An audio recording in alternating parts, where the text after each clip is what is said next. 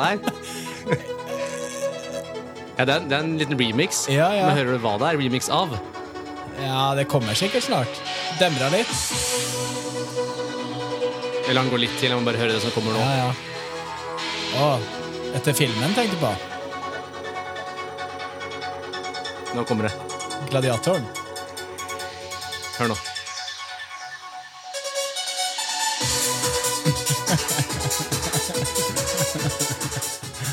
Ja, kult. Var det sangvalget i dag? Det var dagens, eh, eller ukas sangvalg, ja. Ukas sangvalg. Husker du hva sangen heter? Eh, nei. Den heter Now We Are Free. Stemmer det. Og hvorfor tror du jeg har tatt med den sangen i dag, Tommy? Nei, kanskje det har noe med gjesten vi har i dag? Eh, ja, det er en, eh, det et, en symbolikk på Ja. det. Men uh, det er noe annet veldig stort som har skjedd siden sist vi satt og spilte en podkast. Og hva er det?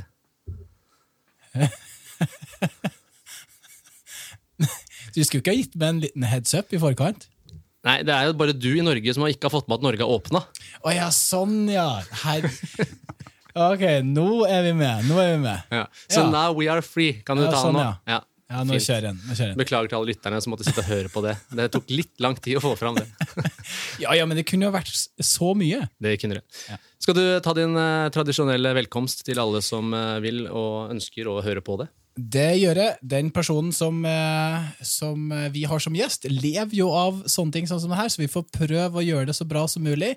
Men eh, hjertelig velkommen til podkasten Litt for personlig trener med Alex og Tommy. Er du klar i dag, Alex? Ja, det tror det. Det er seinere enn når vi pleier å spille podkast. Ja, vi begynner å nærme oss kveld. Det er snart leggetid for meg, faktisk. Bare Ja. Det er to timer og 20 minutter unna. Ja, Du er jo litt bestemor-dukk, så du legger deg jo ganske tidlig. Ja, det stemmer. Ja. Men vi har jo en gjest med oss. Vi har det. Skal vi ta inn han med en gang, eller? Og Slu, slu, slu? droppe, droppe alt det smalltalket vi har gjort siden sist? Ja, Du kan jo, hvis du har et eller annet på hjertet. så er Vi, det vi tar det veldig kort. Norge har åpna. Deilig. Var du på byen? Jeg var ikke på byen, jeg var på Nordfjell. Ja. Du, ja Jeg var på fjellet. bare kort, Tommy. Det her har jeg sett på Instagram. Oh, det er sånn vi eh, får med hva vi gjør i hverandres liv. Ja. Du har begynt med stisykling. Det er riktig. Det er ikke lenge siden du hadde bedøvelseskrem for du sykla Trondheim-Oslo. Og nå er du på sti. Ja, ja det, jeg hadde lyst til å Jeg har jo solgt både motorsykkelen min eh, Det var jo en 81-modell, så hvis jeg skulle fortsette å beholde den, så måtte jeg lære meg å skru. Er like handy som den puta du husker vi hadde i, i sofaen eh, tidligere. Så jeg måtte selge den av gårde, for det var liksom små trøbbel og litt forskjellige greier. Så den eh, røyk, og så røyk landeveissykkelen, for nå ok, da har jeg sykla Trondheim-Oslo. Trenger ikke å sykle noe mer enn det. Og så solgte jeg sykkelruller. Så tre ting bort og én ting inn. Ja. Så da tenkte jeg at eh, er ikke det ganske bra for miljøet? Tre ting bort, og så én ting inn. Så kan jo andre overta litt av det andre greiene, da. Er ikke det hvis alle har Ja, for du sånn? kjøpte brukt styresykkel òg, da? Eh, nei. Det gjør ikke. Nei, ok. Nei, det er greit. Ja, Så da ble det stisykkel, og Ja. var testa den oppe i Årvollåsen her for et par dager siden. Kjempeartig. Eh, Sykla oppover og må drive og navigere litt rundt røtter og steiner og forskjellige greier. Så det var kjempeartig, og så kosa du deg veldig godt på vei ned òg. Så bra. Enn du, da? Jeg har eh, undervist for AFPT igjen. Igjen, ja. igjen. Ja. Veldig gøy. Fantastisk eh, fin gjeng, og fortsatt verdens beste jobb. Deilig. Det er så artig å forelese. I hvert fall for en så motivert gjeng som, eh, vi, eh, som jeg vet at du har hatt på Carl Berner. Jeg har jo hatt de, jeg òg, så stor kudos til de eh, på Sats Carl Berner der. Det får være ukas utrop. Ja, Ok. Og jeg har ikke gjort så veldig mye mer enn det, altså. Nei. Det har vært det. Så apropos AFPT-student, yep. eller tidligere AFPT-student, så uh, sitter jo en mann her uh, ved et navn. Navnet er eh, Mikael. Ja. Ja. Velkommen, Takk, Mikael Andresen. takk. Det er, og nå når jeg sitter her sammen med dere, så føler jeg meg fortsatt som en FPT-student. jeg er fortsatt, faktisk fortsatt student. Eh, Jeg skal jo gjøre mer enn å, å, å bare nå jeg er sånn hermetegn. eh, For eh, PT-utdanningen er jo eh, Det er jo bare starten. Det er et sånn univers som åpner seg, så jeg tror jeg aldri har følt meg mindre enn da jeg var ferdig. Så en sånn liten pygme som hei, hei, nå skal jeg begynne. og du gikk jo du gikk det digitalt. Ja, ne, Det ble nesten digitalt. Ja. Eh, Da var det jo litt, eh, litt og da var vi ikke free ennå. Da, da var det jo fortsatt begrensninger. og Da var det tre sånne samlingsverdier digitalt. Det, fun funka helt fint, de gjorde det. Men jeg skjønte hva jeg hadde hatt glipp av når vi hadde samlingsverdier. For da funka det enda bedre. Men, eh, men vi fikk to samlingsverdier. eh, Og lærte ekstremt mye da, altså. Eh, Da får du liksom gjort litt ting eh, litt mer ordentlig enn nå tar vi, eh, nå tar vi T-burpees hjemme i stua, liksom. Det, det var liksom ikke det samme. Nei, er bra. Trivdes du på PT-utdanninga? Syns du det var gøy? Kjempegøy. Altså, jeg, jeg, har jo, eh, jeg har trent uh, lenge. Jeg har alltid vært opptatt av trening. Uh, selv da jeg gjorde andre ting enn jeg trente. Uh, og har egentlig lenge hatt en sånn Jeg har jo gått gjennom en stor livsstilsendring. Og har, har jo mine tanker og filosofier om hvordan man kan få til det. Da, hvordan jeg har tenkt, og, og, og har vært veldig fascinert av å hjelpe andre til å få det til. For vi vil så mange ting. Vi, det er så mange som skulle ønske at noe var annerledes enn sånn som det er i dag. Da. Eh, og da har jeg liksom vært litt fascinert. Ja, men hvorfor er det ikke da også flere som for, Man må jo bare egentlig bare begynne å gjøre det. Eh, og så er det vanskelig noen ganger å vite hvordan man skal gjøre det. Mm. eh, og da trengte jeg, selv om, eh, selv om man lærer jo mye på gymmet, så, så er det et par ting som eh, kanskje, hadde, vært- kanskje var lurt at jeg lærte av meg. Og eh, få litt mer kunnskap om, om eh, hva jeg drev med. Så Følte du at det var mange myter som eh, ble avdekka? Ting som du hadde hørt og gjort tidligere, som eh, har blitt endra de siste årene? Ja, altså det, som, det som er det, det viktigste, er vel kanskje at ting er ikke så bastant som jeg Altså, jeg har jo da uh, hatt uh, for eksempel Geir Borgan Paulsen da, som, som trener. trener. Uh, og han kan jo masse om trening. Eh, jeg, har, jeg har fått litt hjelp i en periode av Harald på Haralds gym. Eh, altså For dem er det liksom et karosseri.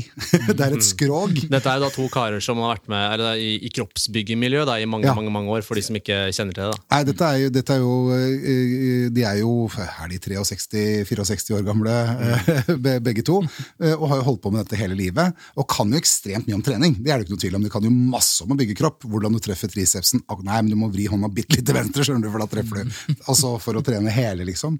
Uh, og da, uh, og, men både med de og med mange andre som du trener sammen med, så er det så veldig mange sånne bastante meninger. Det er, så, sånn skal, det er sånn det er. Nei, nei, du kan ikke gjøre sånn. Og så har jeg lært at ja, men det kan du vel, for det, det er veldig individuelt. og det er veldig forskjellig, så det viktigste jeg lærte, var vel egentlig 'det kommer an på'. som, Alle sier hele tiden. Det er mest irriterende å høre på et PT-studie. Men uh, før vi går videre, jeg tenker uh, I tilfelle det er noen som ikke veit hvem du er, Mikael. Mikael. ja, men det kan det, det er mange som ikke gjør. ja, så hvem, hvem er du?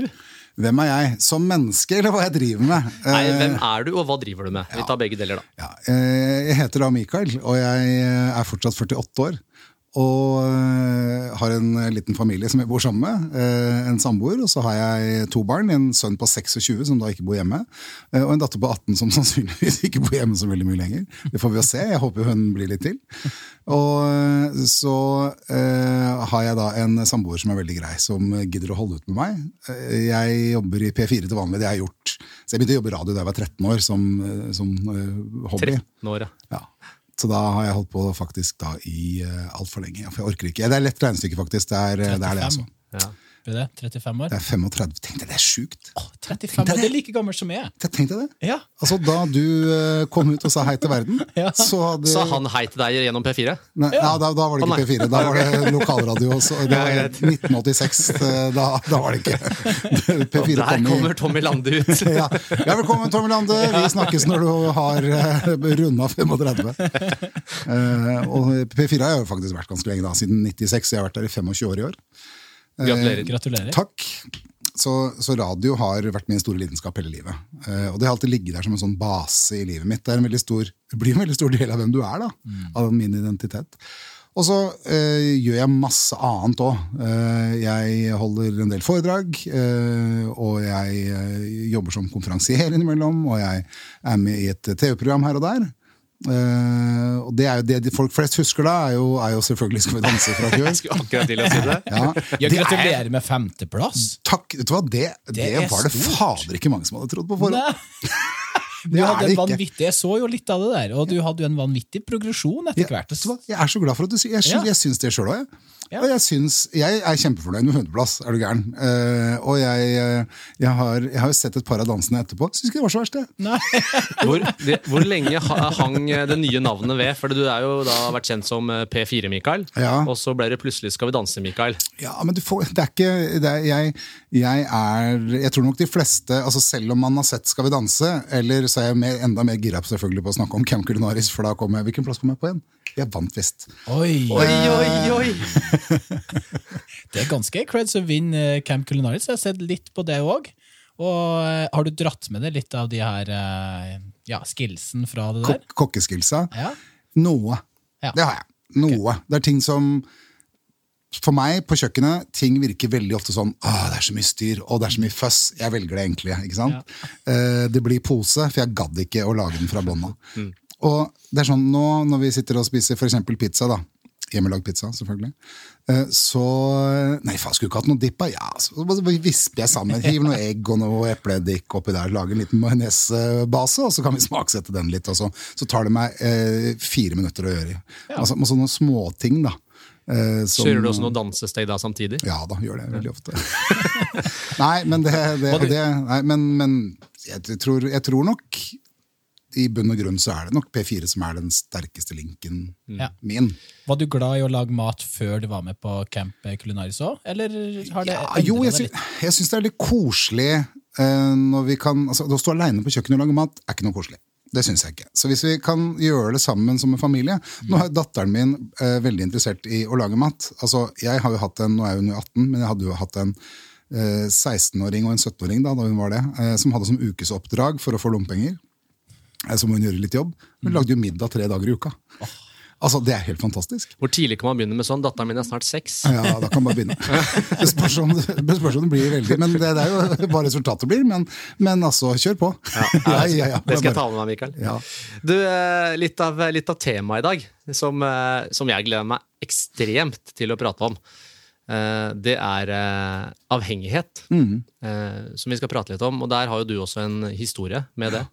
Eh, Men først og fremst så må jeg si at jeg sjekka, jeg sjekka pulsen min nå etter at du snakka litt om P4 og hvor lenge du hadde jobba. Ja. Og nå følte jeg meg veldig på bortebane her, selv om du er vår gjest. Nei, Så- men altså, Tenk deg hvordan jeg føler meg, da. Eh, Dere er foreleserne mine.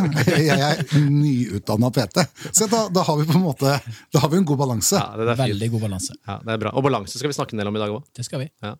Så kan ikke du eh, dra oss gjennom en liten sånn eh, story, Mikael? Når, jeg sier avhengighet, hva, hva tenker du på da? Altså, Hvilket forhold har du til det? Ja, mitt forhold til avhengighet Altså, jeg er jo en avhengig. Det er jo det jeg kaller meg øh, egentlig. Men det er mye lettere, mange flere som forstår enn hvis jeg sier alkoholiker, så er det mye lettere å plassere ting. Eh, men, men det er jo en avhengig jeg er, så det, det sier jo noe om hvem jeg er som menneske og person. På mange andre plan òg. Det handler jo da definitivt ikke bare om rus. Eh, For meg så handler det om eh, noe jeg fant for å eh, ordne noe annet. Som jeg til å begynne med ikke visste hva var. Etter hvert ikke var i stand til å ta tak i. Fordi jeg visste ikke hvordan jeg skulle gjøre det. Så, så, så jeg var avhengig av, for å kunne fungere, noe som hjalp meg til å kunne gjøre det. Da. Egentlig noe som på en måte gjør deg litt bevisstløs, for det er jo litt det det gjør. Det fjerner det fjerner jo ganske mye av eh, tanker, både det vonde og andre tanker.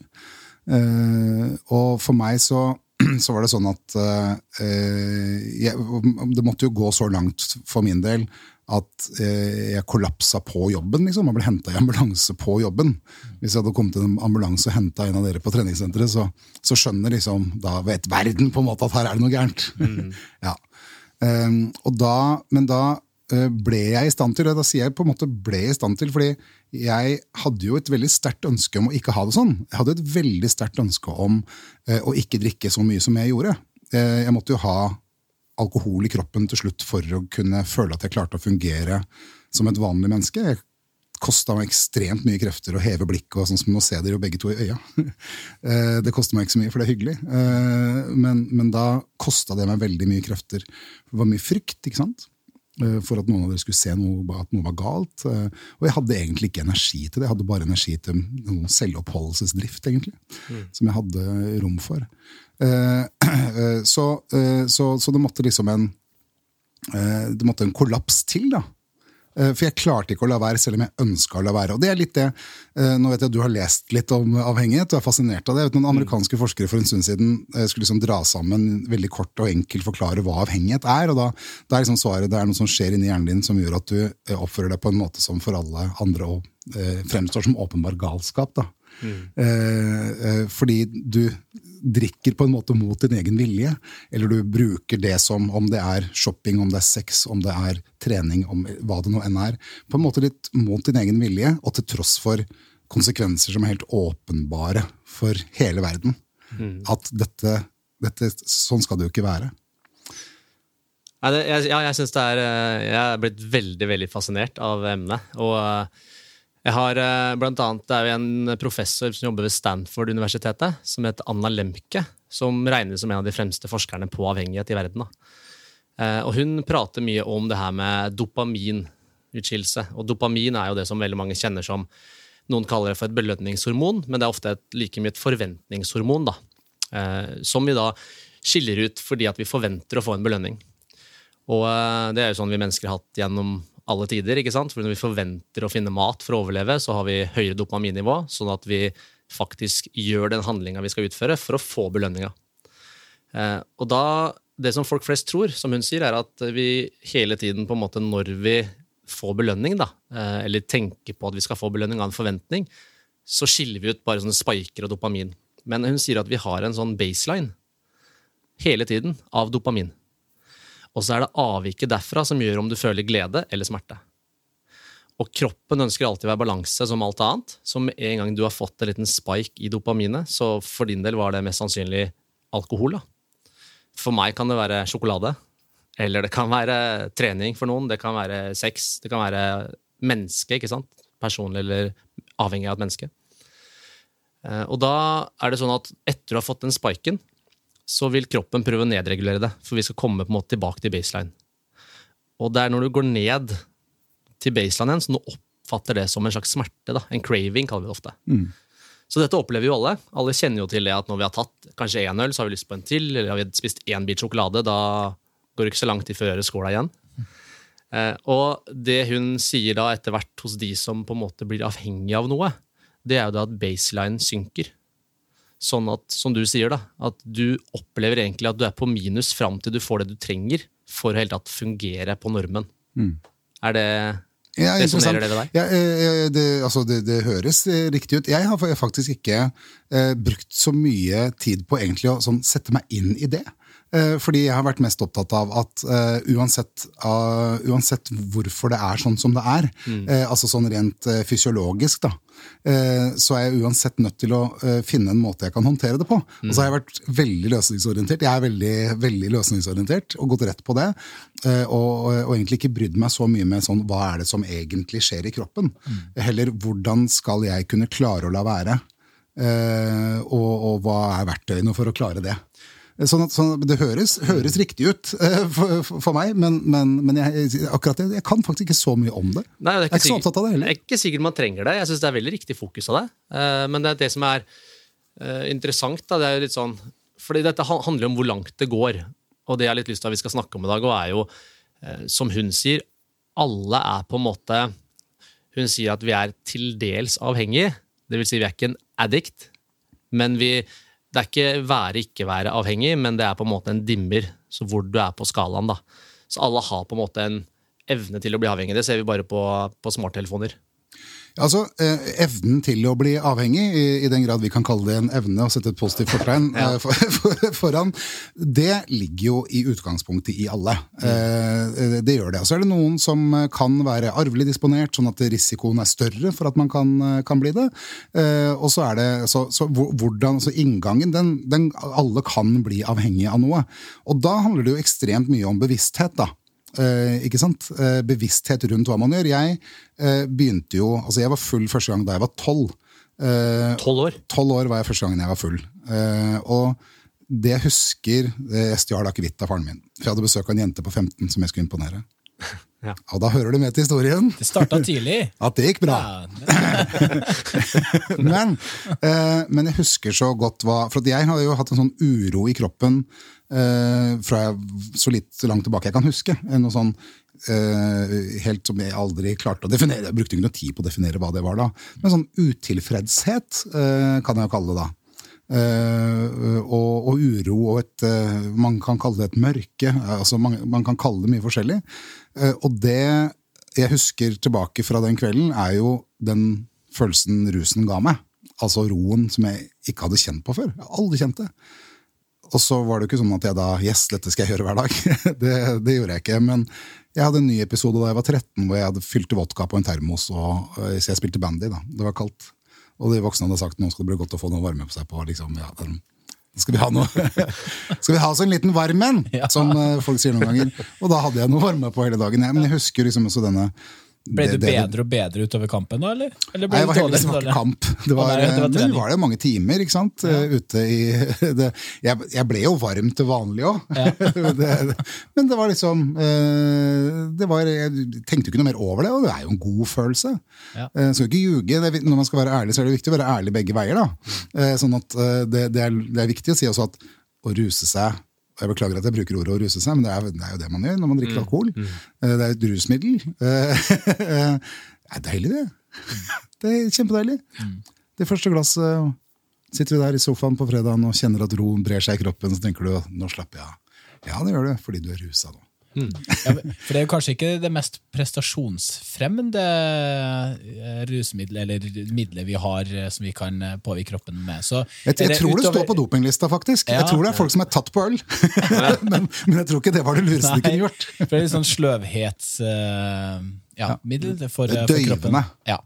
Så utover i den bandytreninga som du har, så hvis du da tok en liten nipp da for hver, hvert 10.-15 minutter, vet ikke hvor ofte dere har eh, pauser da i, i bandyen, men eh, da måtte du jo ha kjent at etter hvert som at eh, du fikk eh, litt høyere promille, så gikk vel kanskje ikke prestasjonen opp, den det? Som er så interessant, da, er jo at hvem er det som da bedømmer det, og hvilken tilstand er du i når du bedømmer det? Ja. Det er jo den klassiske eh, de voksne og barna som er på samme festen, eh, som da skal eh, avgjøre om de voksne var for brisene eller ikke. Den som definerer det, er som regel de voksne, altså de som var brisene. Eh, og den definisjonen den er da gjort i rusa tilstand. sånn at Hvis du hadde spurt meg mens jeg sto i det bandymålet Ja. eh, for jeg Og du var keeper? Ja. Ja, okay, ja. Ja, nei da, så jeg slapp de lange spurtene. Eh, så hadde jeg sikkert syntes at det gikk jævlig bra. Som veldig mange foreldre tenker om en kveld, om det er på sydentur eller hvor det nå enn, hvilken setting det nå enn er, er at vi hadde det jo koselig. De snakker på vegne av sine egne barn fordi de sjøl hadde det koselig. Mens barn, vet vi, eh, synes det er ubehagelig og opplever det som utrygt at voksne endrer atferd. Altså ikke blir rusa, men endrer atferd. Det er utrolig viktig å ha med seg, syns jeg. Eh, du er annerledes enn du pleier. Du ler litt mer, men det, du pleier ikke å le så mye. Hvorfor ler pappa til seksåringen din? Hvorfor ler pappa mer i dag? Det synes jo, En seksåring skjønner jo ikke det. Det oppleves jo som utrygt.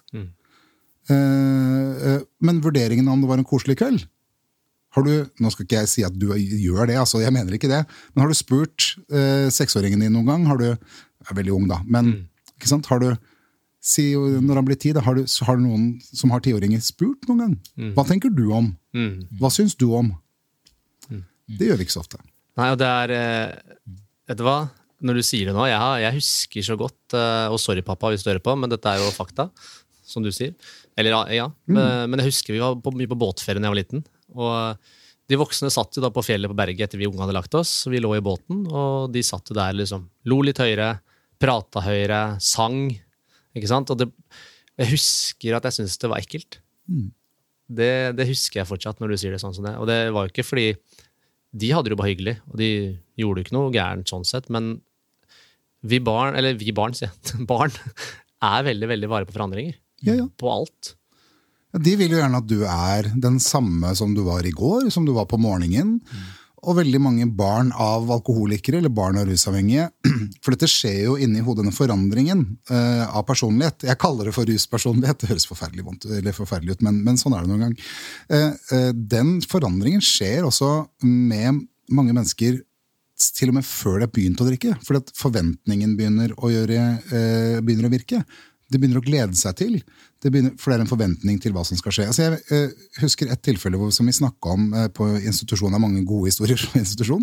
Eh, det var en som hadde valgt å vet du hva, jeg skal ikke drikke eh, hjemme. Det er ikke bra for familien min. Kjempefint. eh, ikke sant?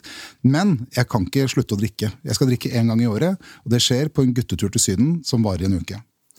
Eh, og det tenker man jo, ok, fint. Skjerme familien, gå rase fra seg, komme hjem igjen, verden. Men familien hans, de merka det et halvt år før han dro.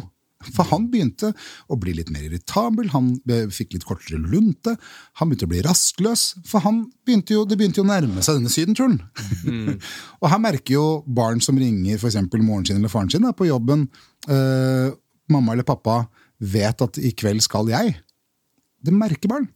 Mange jeg har møtt som sier jeg tror jeg visste hvis jeg snakka med mamma klokka tolv på dagen, visste jeg at i kveld kommer hun til å drikke eller ta piller. eller Visste jeg. Det var ubehagelig. Så, så denne endringen det Jeg tror vi har veldig godt av å eh, sette oss ned og ta det, altså definere dette ordentlig for oss sjøl. Eh, og ta en sånn ordentlig, eh, ordentlig eh, bevisstgjøring rundt det.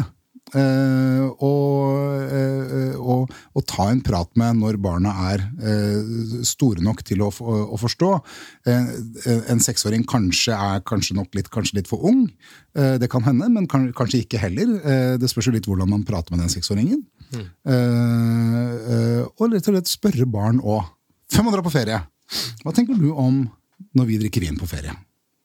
Helt åpent spørsmål. Gjør det ufarlig for dem at de må kunne faktisk, for de må tåle svaret? Dette har jo type av og til eh, organisasjonen gjort undersøkelser på. Eh, og flere ganger, og det er, det er alltid et sprik mellom hva foreldrene tror barna syns er ok, og hva barna faktisk syns er ok. Og det barna syns er ok, er eh, dessverre mindre enn det eh, mamma og pappa syns er ok. Sa barna dine ofte ifra, eller? I denne perioden?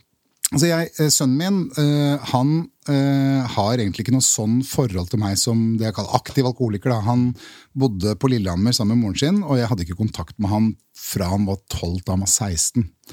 Så han ble jo utsatt for en konsekvens, i og med at jeg da var en pappa som ikke var der i en viktig fase av livet hans. Men ikke den samme type konsekvens som datteren min, som jo bodde sammen med meg, og var åtte og et halvt år da jeg slutta. Ja, på slutten, altså eh, siste perioden før jeg, før jeg da slutta å drikke, eh, så, så sa hun ifra. Og da prøvde jeg alt jeg kunne å ikke gjøre det. Altså, jeg, jeg, er jo ikke, jeg er jo ikke dum, jeg så jo hva slags pappa jeg var, og så visste jeg hva slags pappa jeg ønska å være. Så noen ganger så eh, brukte jeg til og med også alkohol for å prøve å bli den versjonen av meg sjøl som jeg ønska å være. For jeg klarte jo ikke å være den uten. Eh, Jeg skalv, jeg hadde ekstremt mye angst. Eh, eh, Og jeg, jeg klarte ikke å på en måte være rolig og være meg sjøl. Mange dager jeg starta over vasken og drakk og kasta opp og drakk og kasta opp til den, til den satt, som man sier. Til jeg liksom fikk i meg litt alkohol. eh, For å bli en normal versjon av meg sjøl, da.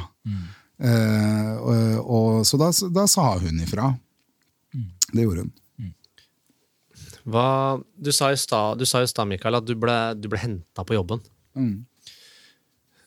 Når, du, når du er i i en sånn situasjon, og du, måte, du er dypt avhengig For din del, altså, hva, hva var det som gjorde at du klarte å komme deg ut av det? Hvis du er der? Og det er jo det jeg tenker på med å, at jeg på en måte altså Mange spør jo altså, angrer du, skulle du ønske at det var annerledes. Og så er svaret k- kanskje ikke. Altså, selvfølgelig. Eh, Jeg skulle ønske at barna mine ikke hadde blitt utsatt for det de er blitt utsatt for. Det skulle jeg jo ønske. For meg så måtte den reisen til, tror jeg, for at jeg skulle være i stand til å, å, å kunne endre på det. Altså, eh, som, man, som, som noen eh, Man har jo forskjellige modeller man kan jobbe med for å, for å, for å, gjøre, for å få dette til. Eh, Det jeg følger, er altså, du må nå det som er din personlige bunn, da, for at du skal bli i stand til Det er der, det er det punktet hvor en avhengig er i stand til å ta et, eget valg på ordentlig, er dette bunnpunktet. Eh, men det bunnpunktet er jo subjektivt, ikke sant? Eh, og det er forskjellig fra menneske til menneske. Altså helt sånn eh, Sett utenfra så er den bånd nådd for lengst.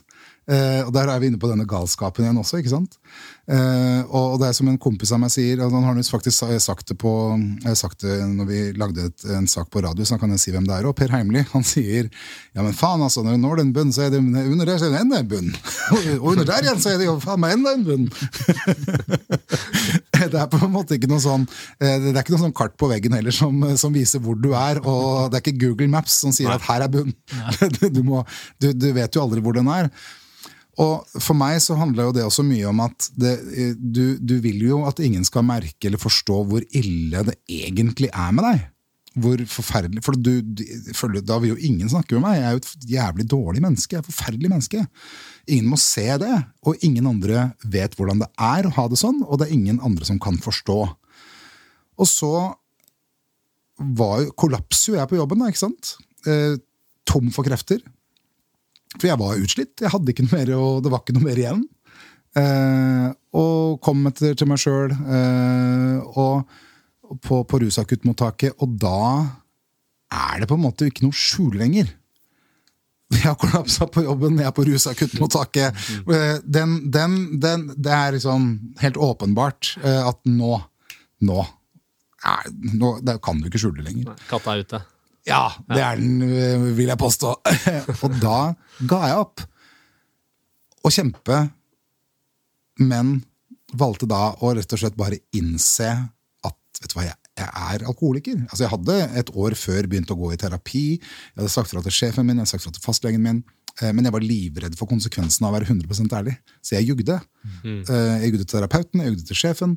Eh, Og, for jeg var så redd for konsekvensene. Jeg var redd for barnevern, jeg var, uh, jeg var redd for å miste jobben. Og det var et som, siste fundament jeg hadde igjen på en måte da, ikke sant, i livet. Uh, Men, men da hadde jeg jo Sjefen hadde skjønt det nå. Jeg var jo på rusakuttmottaket. Jeg ringte jo til sjefen min gråtende fra, fra da jeg satt inn på et rom med en sykepleier der. Og, og jeg fikk jo høre Svaret var jo at Mikael, vi er glad i deg. Jeg er glad i deg. Nå skal du tenke på deg. Nå skal du bli frisk. Eh, hvor, vi, hvor vil du på behandling, og husk å sende faktura til oss. Det var på en måte det jeg ble møtt med. Jobben din, den har du. Ikke tenk på det. Nå skal du bli frisk. Og da fikk jeg jo et jeg ble jo redda, da. ikke sant? Da fikk jeg et fundament, noe, et sted å sette beina. Eh, og da hadde jeg gitt opp. Da er sånn, greit, jeg er alkoholiker. Eh, og det var greit. Eh, men noen må vise meg hvordan jeg skal håndtere dette når jeg kommer ut. For jeg vet ikke hvordan jeg skal klare det. Så please help me. Det jeg har eh, Jeg har, kjenner jo si, Jeg kjenner jo en del eh, pårørende av alkoholikere. Blant annet kjenner jeg moren min. Fordi bestemoren min var alkoholiker Ja. da hun levde. Eh, Men jeg har også snakka med andre, og de snakker jo litt om den tolvtrinnsmodellen. Ja, Det er jo den modellen jeg følger, da. Ja, og du nevnte det med ærlighet, for jeg så at et av trinnene der handler om å, at det er ekstremt viktig å være ærlig. Altså det, det første, eh, og Grunnen til at jeg egentlig ikke eh, snakker så mye om selve den modellen, er at den skal, eh, de som eh, ender opp med å bruke den, eh, skal på en måte, må på en måte skape sitt eget forhold til den. Jeg skal ikke definere den for dem. Eh, Så det er grunnen til at jeg ikke snakker mer og går liksom inn i dybden. For det er hvordan jeg bruker den. Mm. altså det, det, de sier det er en måte man kan bruke den feil på, og det er å gjøre den alene. Mm. Ellers eh, så, så er, den, er den sånn sett ikke vanskelig å forstå og bruke. Eh, men den innebærer jo, det aller første innebærer jo en erkjennelse. Og en erkjennelse innebærer for noen konsekvenser. Eh, så det å være ærlig først og fremst med meg selv Jeg har fortsatt hjemme det jeg fylte ut om meg selv. Eh, Jeg skrev om meg selv. Konsekvenser, mitt liv og mine valg. For det er det. Det er viktig å huske på. Man er ikke fritatt for eh, konsekvenser av egne handlinger selv om man er avhengig. Det er man ikke. Og det å se meg sjøl og tåle det. Eh, Og så handler det om å eh, rett og slett bare velge å tro på denne. Tro på, og så på en måte overlate. og så bare vet du hva, eh, jeg tror på at dette kommer til å fungere. Jeg velger å overlate det til, til, at, til programmet, på en måte. Så begynner man å jobbe, da. Jeg synes det var bare interessant, for hun sa på en måte at ofte så vil avhengighet føde avhengighet. Og det er jo ofte mye ljuging inne i bildet hvis man er avhengig, for å, som du jo kjenner til. Og, da, Ja, ja, ja. Og Det er derfor vi prata veldig om det at på en måte et av stegene, det med ærlighet og erkjennelse, er så ekstremt viktig, fordi ofte så blir man avhengig av å ljuge òg. Ja. ja, det kan nok noen oppleve at de blir. Eh, og da eh, de, som da som, de som da fortsetter med det, gjør jo ikke den jobben de skal gjøre i den modellen. Ikke sant? Eh, det er sånn, hvis, du, hvis, hvis den skal funke, så må du jo gjøre den skikkelig òg, ikke sant? Og da må du være ærlig først med deg sjøl. Du må se deg sjøl i speilet, ordentlig, ekte, og tåle det. Ikke sant? Du er nødt til det. Eh, Hvis ikke så vil det, ikke, vil det jo ikke funke. For da vil du fortsatt måtte skjule noe. Du vil fortsatt ljuge for å skjule det. Og du opprettholder jo en sånn altså Man kan jo, det jeg kaller altså man kan jo eh, være edru, da gjør jeg sånn eh, hermetegn igjen, i ti år eh, uten å ha fått det noe bedre. Og da, det er jo ikke det, altså Denne modellen er jo egentlig en, en selvutviklingsmodell. Eh, altså, jeg tror på et tidspunkt så, eh, For noen år siden så hadde Microsoft i USA hadde en policy om at alle de som jobba der, de måtte bruke den eh, og følge den. Fordi eh, mennesker som har det bra med seg sjøl, de jobber jo også bedre. Eh, jeg tror, så vidt jeg kan huske i farta, så er vel ikke alkohol nevnt i mer enn ett trinn. Eller så, så, så, så står det vel ikke der. Eh, og denne brukes jo i mange, av mange andre fellesskap også, da. Eh, på andre ting hvor de har tilpassa den eh, til seg. Du har anonyme alkoholikere som på en måte fant opp eh, sammen med noen andre på 30-tallet i USA. Så fant de opp denne modellen, og så har du da noen som heter anonyme narkomane, som bruker den, men har vridd litt på noen av tingene. Og så har du jo mat, masse andre som, som bruker den samme modellen. Har du kjent noe på, på det når du, du var avhengig av alkohol, da? Men, Så jeg var jo avhengig av rus. Alkohol ble mitt foretrukne rusmiddel. Er på en måte, Ja. uh, er på en måte riktig, enda riktigere å si. Uh, jeg, men det var alkohol jeg var avhengig av. Uh, og, og, men, men det jeg var avhengig av, var jo å døyve det som var vondt. ja. Men brukte du andre rusmidler samtidig? Og ja da. Nå, ja, ja, ja, ja, ja. Nei, men, men det er mer sånn som Jeg husker eh, Hvem var det som sa det til avisintervjuet avisintervju en gang? Eh, Vinni som sa det en gang for mange år siden. Uh, altså, nei, men jeg tok jo det som lå på bordet. Eh, altså, så jeg har jo prøvd mange andre ting. Da jeg var tenåring, ung tenåring, så sniffa jeg bensin, jeg sniffa lim, jeg røyka hasj, jeg røyka marihuana. Og, og altså, jeg har jo prøvd kokain også. Det er noe helt annet det som, det som jeg trengte, var alkohol. Eh, sånn at det, så, så, jo, jeg var avhengig av alkohol, men sånn, sett litt større så var det jo å kunne døyve noe, da. Som jeg var avhengig av. For det var i, i 2012. Som jeg, ble- som jeg kollapsa, ja. Ja. Og, ehm, og du har vært eh, da edru eh, i de ni årene siden da. ja. Si ni og et halvt. Ja. Nærmeste tid, da. Gratulerer med det. Du, det takk, det gleder jeg meg så sjukt til. Altså, Ja. 4. mars er jo min dato. Jeg gleder meg helt sykt til, eh, til 4. mars eh, 2022. Kult. Eh, Da skal jeg ha fest. Eh, Det går an. Eh, eh, Nei, det, det, det, altså, 4. mars Jeg har bursdag 1. november, men 4. mars er en viktigere dato for meg. Det er en større dag for meg. Det markerer jeg hvert eneste år, selvfølgelig. Så du begynner med, og det er veldig fint når man begynner å markere, så, så begynner man Først så kommer man inn i fellesskapet, og så liksom får man en liten markering på at man ja, nå har du kommet deg hit. Og så markerer man etter 30 dager, etter 60 dager, etter 90 dager, og så begynner det å liksom bli litt lengre og lengre eh, perioder fram til 18 måneder. Eh, da har det liksom ett år, 18 måneder, og så er det en gang i året på en måte da, som man markerer.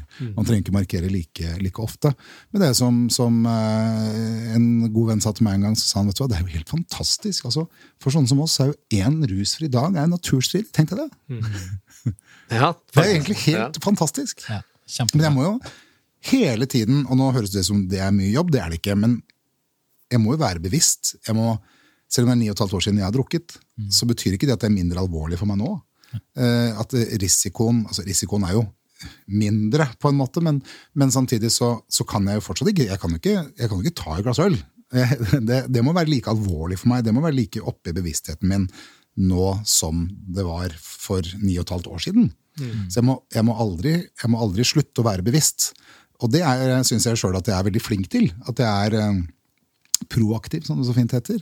Eh, og det var noe av det jeg gjorde innledningsvis, eller i startfasen her også, var å stenge dører. Da, være, og det er, Der kom vi inn på åpenhet. ikke sant? Hvorfor er åpenhet viktig? Jo, En av grunnene til at det er viktig, er jo at du stenger dører. Du sørger for å bare lokke igjen alt av muligheter så langt fram i tid som overhodet mulig. Eh, og sørge for at eh, flest mulig mennesker eh, som jeg risikerer å møte om jeg skulle havne på en pub en gang, hadde reagert hvis jeg hadde sett meg med en øl i hånda. Bra. Da har jeg rydda det unna. Det er en du- ekstremt bra strategi, da. ja, men jeg, jeg, jeg syns det. eh, Og, og hele tiden da ligge sånn i forkant at, eh, at, eh, at jeg ikke Altså, jeg skal tåle de fleste overraskelser, da. Det er jo litt med, og det handler litt om uh, prøve å gjøre ting litt enklere, da. Fordi mange har det kanskje litt eh, Ikke nødvendigvis på avhengighet, men at man Ting er jo i utgangspunktet tilgjengelig. Det er ikke vanskelig å få tak i det man ønsker i dag. Så, Nei, nei, så du, du allierer deg med ganske mange vakter som på en måte skal passe på. Ja, og Det det, som jo- satte meg en gang, For hver person du forteller det til, så har du en hjelper til. Og det tok jeg til meg og tenkte fader, det er sant det. Har du noen tanker, Mikael? Vi prater jo om avhengighet. Og Tommy, du og jeg vi er jo i treningsbransjen, og det er jo Mikael nå òg. Starta opp der. Jeg har møtt en del eh, mennesker opp gjennom åra som jeg har jobba med, hvor jeg virkelig har måttet kjempe med, med kunder. altså sånn, Vi har jobba sammen fordi at altså, de har et helt hinsides forhold når det kommer til trening. Eh, og i løpet av en del samtaler, i hvert fall noen av de jeg jobber med, ikke alle, det er noen jeg har kunnet hjelpe, mens andre de, der må de gå til spesialister. Eh, Og sånn men er det med, og det, vi unnskyld at jeg avbryter, deg, men det er utrolig viktig også å huske på som en som ønsker å hjelpe til, eh, at sånn er det. Så alvorlig er sykdommen avhengighet. Dessverre, du klarer ikke å hjelpe alle. De er nødt til, for å kunne klare å endre en avhengighet, ønske det selv. De må gjøre det for seg selv, og de må ønske det selv. Sånn at når du, Mange ville jo kanskje da synes at det var et personlig nederlag og følt at fader, jeg er ikke noe flink, jeg er ikke, noe, er ikke jeg god nok til å kunne hjelpe? Eh, og det er ikke det det handler om. Det er den personen De aller fleste klarer det, altså de fleste klarer det jo egentlig ikke. Unnskyld, men jeg måtte bare Nei, si men, det. nei, men vet du hva, det er kjempebra. Og jeg, jeg kjenner faktisk på det når du sier det, og jeg syns det er ekstremt vanskelig å ikke alltid kunne hjelpe til. Men, det skjønner jeg eh, kjempegodt. Det er vanskelig, det. Tror du at man kan bli like avhengig av trening som alkohol? Jeg tror at man kan bli avhengig av det aller meste. jeg. Eh, har, jo, jeg har jo vært på god vei til å bli avhengig av trening. Altså, da jeg slutta, så eh, Altså, jeg var jo eh, Da la jeg meg på sofaen hjemme, spiste smågodt. Jeg er fortsatt jævlig glad i smågodt, så jeg må passe på smågodt. Det klarer jeg veldig bra i lange perioder. Men når jeg først skal ha smågodt, så gidder jeg ikke kjøpe en liten sjokolade. Da gjør du det ordentlig. Ja, for pokker! Da skal det spises. Halvkilo med Candy King. Ja, det. men for fader! Ja, ja, gjør det ordentlig. Ja, ja, men det er, jeg trøkker i meg til jeg blir kvalm. Det er én uke på fylla, det greiene der. Ja, men vet du hva? Det, er, det er litt sånn. Jeg trøkker i meg til jeg blir kvalm, eh, og så ligger jeg på sofaen øh, helt sånn stappa full. Men det går jo over, og da spiser jeg resten. men, men dette gjorde jeg jo da eh, til å begynne med. For at, ikke sant? Jeg er jo vant til Det tar ganske mye tid å, å drikke da, når man er eh, aktiv alkoholiker og man har noe å drive med, og det er noe man hele tiden skal jage eller oppnå. Plutselig er alt det borte. Det blir ganske tomt. Eh, Så da fylte jeg det med godteri. Og da hadde Kiwi, husker jeg, der jeg bodde, sånn fyll boksen for 59 kroner. Herlig tilbud. Sønnen min har, eh, tror jeg jeg har sagt, det sier jeg noen ganger, eh, eh, har jo rekorden på Kiwi trikkesløyfa på Ullevål. Eh, 980 gram, det er nesten en kilo oppi den boksen. Og da sto den med myke ting, og sto med boksen på gulvet og Knyttneven, kjørte knyttneven nedi med hele kroppsvekta si. så du liksom akkurat fikk ned lokket, så det spratt ikke opp før etter at den hadde bipa inn. Nei, det er godt gjort. Da er du god. Men så kjøpte jeg til dattera mi, og så spiste jo hun veldig lite. Hun var jo åtte og et halvt. Eh, Så da spiste jeg resten av hennes boks. Altså jeg lå i en boks i minus hver dag. Så ja, Sånn holdt jeg på en stund. Og så var jeg andpusten når jeg skulle knytte skolissene mine, og så blir det jo liksom Det er vann, og du jeg føler deg jo uggen. Og da bestemte jeg meg for å gjøre noe. Men det jeg hadde lært da, var jo å slutte å drikke. Så da tenkte jeg at fader, kan ikke jeg, nå skal jeg prøve å bruke samme metoden på å komme i bedre form. Så, og det aller første som, som for meg er, er så viktig, det er å være tålmodig. Altså, eh, du er nødt til å være tålmodig, for du får ikke du oppnår ikke resultatet så fort som det er. Altså, Det høres kjempedeilig ut eh, når du kan kjøpe en, en tekopp du kan drikke hver dag, og så er du sulfide til, jul, til, eh, til 14 år etter jul. Altså, det er nydelig. Skulle ønske det var sånn.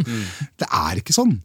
Eh, Det er ikke sånn at eh, selv om du spiser Nutrilett eh, og bare det eh, en periode, så oppnår du et resultat eh, på den tida du ønsker. Og definitivt ikke noe som kommer til å vare noe særlig lenge.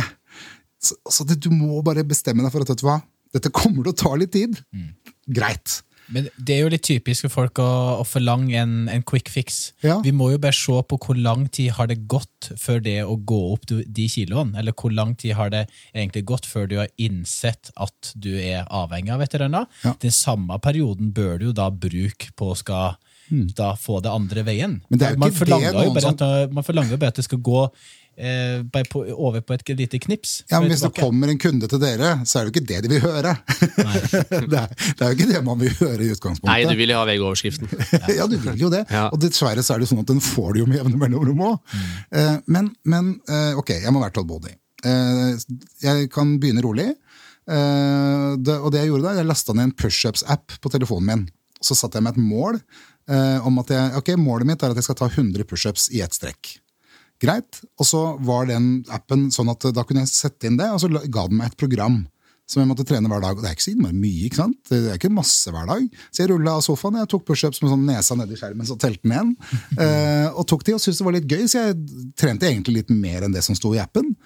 Eh, og det, det ga, så, og så ga jeg meg sjøl en kickstart, men da bestemte jeg meg altså på forhånd at dette her er noe som ikke kommer til å vare, Mikael, men du gir deg sjøl en kickstart nå. Så jeg bestilte lavkarbomat på nett, så jeg fikk kjørt hjem, putta i fryseren eh, og spiste det i, eh, i 14 dager. Eh, hadde en uke med mer normal mat og tok 14 dager til for å få av meg litt det der første, eh, første laget. Eh, Hadde kjempeeffekt av det, men hadde bestemt meg på forhånd for at det er ikke noe jeg kan fortsette med, men, men det er for å gi meg sjøl en liten start. Da. Og etter hvert så, så bygger det jo på seg litt og litt, og da bestemte jeg meg for nei, du skal ikke dra på treningssenter de første gangene du har lyst til det. Holde igjen lite grann. Eh, og så begynte jeg liksom ok, dra på treningssenteret, men jeg har lyst til å trene, da er jo jeg en avhengig all in-dude. Så nei, du skal ikke trene så mye, nå må du slappe av. Og så jeg holdt igjen og holdt igjen og holdt igjen. Og holdt igjen. Og så fikk jeg denne effekten litt etter litt, og så passa jeg på hver eneste dag. Eh, hver morgen og bestemme meg for hvordan dagen i dag skal bli. I dag skal jeg Jeg skal ta pushups-appen min. Jeg skal ikke trene på helsestudio. Eller jeg skal. Eh, og jeg skal ikke spise godteri, for eksempel. Da. Og hver eneste kveld så passa jeg på å være bevisst på å være eh, stolt av meg sjøl og sette pris på at jeg klarte det i dag. Så kunne jeg sovne og være tilfreds med at jeg hadde faktisk gjort det akkurat jeg hadde bestemt meg for i dag. Og jeg ga F i i morgen. Fordi det er i morgen. Eh, sånn er det jo på en måte jeg En dag av gangen, som man sier ofte skal slutte med rus. Så gjorde jeg det samme dagen etter, så gjorde jeg, dette gjorde jeg hver dag. Og så økte jeg litt og litt og litt og litt, og litt på treningen. Og så hadde jeg gått ned 30 kilo. Wow. Og så mista jeg kontrollen. For jeg begynte å bli ubevisst. eh, og bare pøste på med mer og mer trening. Jeg begynte å bli i god form. eh, og ville ha enda mer, og, og, og det ga meg så mye å være der. Det, det var så digg å være der. Og eh, så måtte jeg bare plutselig en dag Ok, hva har du gjort nå? Det har gått to år. Hva, ok, du, nå, nå, nå begynte jeg å kjenne på mye følelser som ikke var noe gode. Eh, hva, hva er det du driver med Da, Så så jeg på, eh, Da trente jeg på Sats, som hadde en sånn app hvor du registrerte hver gang du trente. Da hadde jeg et snitt på tolv økter i uka på tolv måneder. eh, nå må du, så måtte jeg ta tak i det. da. Det var litt seint, men jeg har jo redefinert mitt forhold til trening og funnet min balanse. Eh, og tenkt at ok, nå må du huske på å være bevisst. da. Og er det på Hvis jeg begynner å ane et mønster som Hvis jeg begynner å bli Jeg måtte lære meg til å ikke trene og være tilfreds likevel. Eh, Lære meg til å trene mindre, være tilfreds likevel. Eh, og, og med en gang jeg nå begynner å kjenne på en sånn utilfredshet, f.eks. Jeg driver med thaiboksing, skulle gjerne vært, vært mye bedre, enda mye bedre thaiboksing. Men nå er jeg der hvor jeg liksom holder på sånn mellom styrke og thai og klarer ikke helt å finne balansen. Men jeg klarer å ikke være utilfreds fordi jeg ikke får gjort nok av det ene, for jeg skjønner hvorfor jeg ikke får gjort det. Da. Så det handler jo om konsekvens hele tiden. Og det handler om jeg tror, ett viktig ord her, som du nevner egentlig ganske flere ganger, det er jo balanse. Det å skal finne den der likevekta hele veien. Og der du føler at du gjør nok eh, for at du skal ha det bra, men at du ikke gjør for mye. Og jeg tror det, jeg tror det blir bare et større og større skille nå i, i samfunnet. Du har flere og flere som trener mer, og du har flere og flere som trener mindre. Så du har folk som nesten ikke beveger seg i det hele tatt, og du har veldig mange som trener ekstremt mye. Så du har veldig lite av de midt imellom. Og um, man vet jo at etter hvert som man begynner å trene oftere og mer og høyere belastning, mer volum osv., så, videre, så er det kanskje ikke nødvendigvis helse igjen i det. Det er litt mer gått over på prestasjon, og det er gått over på et helt annet element enn faktisk det som er helse. Og det er jo det vi prøver gjennom personlige trenere og, og Preach. Mm. Eh, garantert, alle, alle, vi, alle, oss tre. Det at vi må prøve å finne den balansen som du føler er viktig for det. Det er ikke noe, det er ikke noe feil i det å skal drive med noe prestasjon. Men det skal bli bedre enn noe. Fordi mange søker det. Det er bare at du må vite at det har noen konsekvenser når at du jobber opp mot prestasjon. Og så er det sikkert mange som kjenner at de bare flyter og har det ganske bra når de trener én, to, tre ganger i uka. Trener de mer enn det, så, ja, så kan det jo skje andre ting. Så det ja, for Hvis du ser bort fra sånn åpenbar helse, da, ikke sant? helseproblematikk, eh, eh, så, så, handler det jo om at du skal eh, ha noe i livet ditt som, som gjør at du har det bra. Mm. Ikke sant? Det er jo det. Eh, selvfølgelig Har man diabetes 2, så kan det kanskje være en fordel å gjøre litt mer enn det man har lyst til for å bli kvitt det som er en helseutfordring. Mm. Men, men, men, men eh, hvis man ikke har det Folk flest har jo ikke det. Mm. Så, så, er det det å finne den balansen, for det handler jo om å berike livet med det. Mm. Og selvfølgelig etter hvert eh, som man blir litt eldre også, kanskje i yngre alder skaffe seg noen gode rutiner i bånd som gjør at, du, gjør at, du, eh, passer på helsa di også når du blir eldre. Mm. Men for å ha god helse som, som 70-åring, så trenger du ikke å ha et treningsgrunnlag på tolv økter i uka.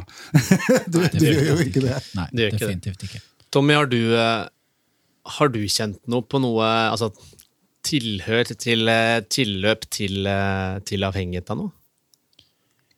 Um, jeg vet ikke. Jeg tror Vanskelig å si det sånn for meg sjøl, men jeg tror nok folk utenfra Nå spurte jeg jo deg. Ja, jeg vet det. Men sånn mamma og pappa og sånne ting ser nok sikkert på meg som litt sånn avhengig av trening. At å, skal du jo trene igjen? Du er jo du er hjemme her på, på, ferie, og du skal bare være her i syv dager, og sånne ting, og så må du ut og ta, ta deg økt. Og du, du kjenner jo litt på det der. men jeg kjenner jo samtidig på det at jeg blir en mye bedre sønn. Jeg blir mye gladere. Jeg har det mye bedre. Det trenger ikke være hard økt. Det kan være at jeg sprenger med en tur på en fjelltur, det kan være, eller fjelltopp. Det kan være at jeg tar med styrketreningsøkt. Det kan være at jeg drar og tar med fotball, fotball, ja, fotballtreningsøkt. Så den variasjonen det har jeg jo alltid vært veldig glad i, og det preacher jeg masse. Mm. Men um, for jeg, jeg, føler meg så mye bedre. Så om det den avhengigheten av trening Litt usikker på, men jeg syns det, det, gjør meg til en bedre person. Jeg synes og... Akkurat det eksempelet er litt interessant. Eh, for det første er det gøy å høre. Trenger ikke være noe særlig løp på en fjelltopp eller noe. Ja, jeg tenkte på det òg. akkurat, så ta bare litt rolig igjen. Men i Brønnøysund så har vi ikke så høye fjelltopp. Så men, men, men, her handler det jo helt åpenbart Det er sånn eh, er altså For her har, du, her har, du, jo en handling med en konsekvens. Og konsekvensen er at uh, moren din da kanskje blir litt irritert, skuffa, eller altså det skjer noe. Det skaper jo en følelse og en reaksjon hos henne. Mm. Den, den, konsekvensen er jo noe eh, som jeg da eh, håper og regner med at du har tatt inn over deg og eh, har et bilde av hva er. Mm. Så tar du en avgjørelse om er det en konsekvens jeg kan leve med i livet mitt. Mm. Er det en ok konsekvens for meg? Mm. Hvis svaret er ja, så har du på en måte eh, evaluert og er, har et bevisst forhold til det. da. Mm. Eh, for, for, for det, er mange, det, er kanskje andre konsekvenser. Hadde det vært eh, barnet ditt som, som satt igjen og ikke fikk leksehjelp, så mm. burde kanskje vurderingen vært annerledes. da, ikke sant? Helt, helt enig. Helt selv om du selv hadde vært overbevist om at jeg blir en bedre far av å ja, men du, Hvorfor hjelper du ikke til med leksene, da? Mm. Så, så, det er jo disse konsekvensene som er viktige da, for å avgjøre om er dette bra eller ikke. Mm. Konsekvenser for en selv, og konsekvenser for de rundt deg. Mm. Og der så føler jeg jo at det enten kvantitet eller kvalitet. Så jeg velger å bruke da den halvtimen til timen det tar å skal ta ei treningsøkt, eller noe sånt, der jeg får en god følelse, og liksom bare du føler at du, du flyr litt, du har lyst på, på mat, og så videre, og du, du føler at du kan være mye mer til stede når du da kommer tilbake igjen til mora di, eller da til faren din, eller noe sånt. Så det, det, det er akkurat det der jeg føler at det, det gjør det bedre. Det gjør at jeg kan være på et litt sånn høyere nivå og levere med litt mer kvalitet, enn at jeg faktisk bare blir sittende i sofaen der og kanskje driver og surrer litt på telefonen min og kanskje ikke like til stede. Og der var du inne på et tema som er Der tenker jeg akkurat du sa der. fordi eh, jeg lurer veldig på liksom forskjellen egentlig på Kall det sug og avhengighet, og så snakker du litt om om man definerer konsekvensen. da. Mm. Den telefonen jeg sitter med hånda her, Mm. den sitter jeg ofte med i hånda uten å vite hvorfor jeg har tatt den opp. Mm. Eh, og konsekvensen noen ganger er at datteren min sier 'pappa, legg fra deg telefonen'. Og det er en ganske smertefull konsekvens å få som pappa. Ja. Og jeg veit egentlig ikke helt hvorfor jeg sitter med den. Jeg veit ikke alltid hvorfor jeg har tatt den opp. Men, men hjernen min søker jo en eller annen form for eh, belønning av et eller annet slag. Og jeg ser jo plutselig at jeg sitter og tar opp telefonen mens jeg ser på TV. Mm. Så jeg ser på noe på TV, prøver å følge med, og plutselig så sitter jeg og ser på telefonen samtidig. Akkurat som at hjernen min har vent seg til TV. Det er ikke nok lenger. Jeg må ha noe mer stimuli. Du er så ung, vet du, så du har begynt med det. Det, som, det heter jo second screen. Det, du, du, Jo, jo. Unge, unge i dag klarer å konsumere flere kilder samtidig. Jo, men så ung er jeg ikke, for prater du med enda yngre folk, Neida. så står de og tekster De står jo og tekster med tolv stykker og prater med deg samtidig. Men, men her er det jo også egentlig sånn Du sier nei, men jeg vet ikke hvorfor jeg gjør det. Nei, men Da er det jo den jobben du må gjøre, er jo å definere hvorfor du gjør det. da. Du må jo finne ut av hvorfor du gjør det. Ja, for jeg har ikke Eh, hvis- lagt merke til det. Og hvis, dat nei, men hvis datteren din sier det, så sier du at det, en, det, er, det kjenner jeg godt til hjertet som pappa. Mm. Ja, men det eh, er jo hvis, hvis, hun har gjort, hvis hun gjør det en uke etterpå, igjen en uke etterpå, igjen 14 dager etterpå, ja, men da, har jo, da er jo det Da velger jo du at det er en konsekvens jeg lever med, da hvis du ikke eh, stopper opp og tar den definisjonen og gjør det valget av å legge den bort, og ikke mm. uh, bruker jeg mye hermetegn, men klarer det, eh, da, da må man jo stoppe opp og, og, og gjøre et valg. Legge bort telefonen, lage regler, klokkeslett. Uh, ikke telefon før uh, barnet har lagt seg. Eller, så, og du har jo et problem hvis du ikke klarer å etterleve det. Som alkohol, da. Hvis du bestemmer deg på forhånd for at i kveld skal jeg bare drikke tre øl, eller to øl. Så kommer du hjem, og så har du drukket sju. Da klarte du ikke å, å, å gjennomføre det du hadde bestemt deg for. da. Nei, men Da begynner det jo å bli problematisk, da, for da klarer ikke du selv å styre konsumet. Og det blir jo det samme med telefonen, egentlig. At eh, vi klarer ikke selv å styre eh, konsumet. Men da er det jo problematisk, for det skaper en konsekvens du egentlig ikke ønsker. Hvis vi Syns jeg. Ja, Ja, jeg, helt enig. jeg er Helt enig. enig, og det er bare skyte inn der at eh, jeg merker jo det at hvis jeg, hvis jeg har lagt den i gangen, så jeg ikke, den ikke på en måte er ved siden av meg i sofaen, eller sånn, så, så jeg, tenker jeg jo ikke på det på samme måte.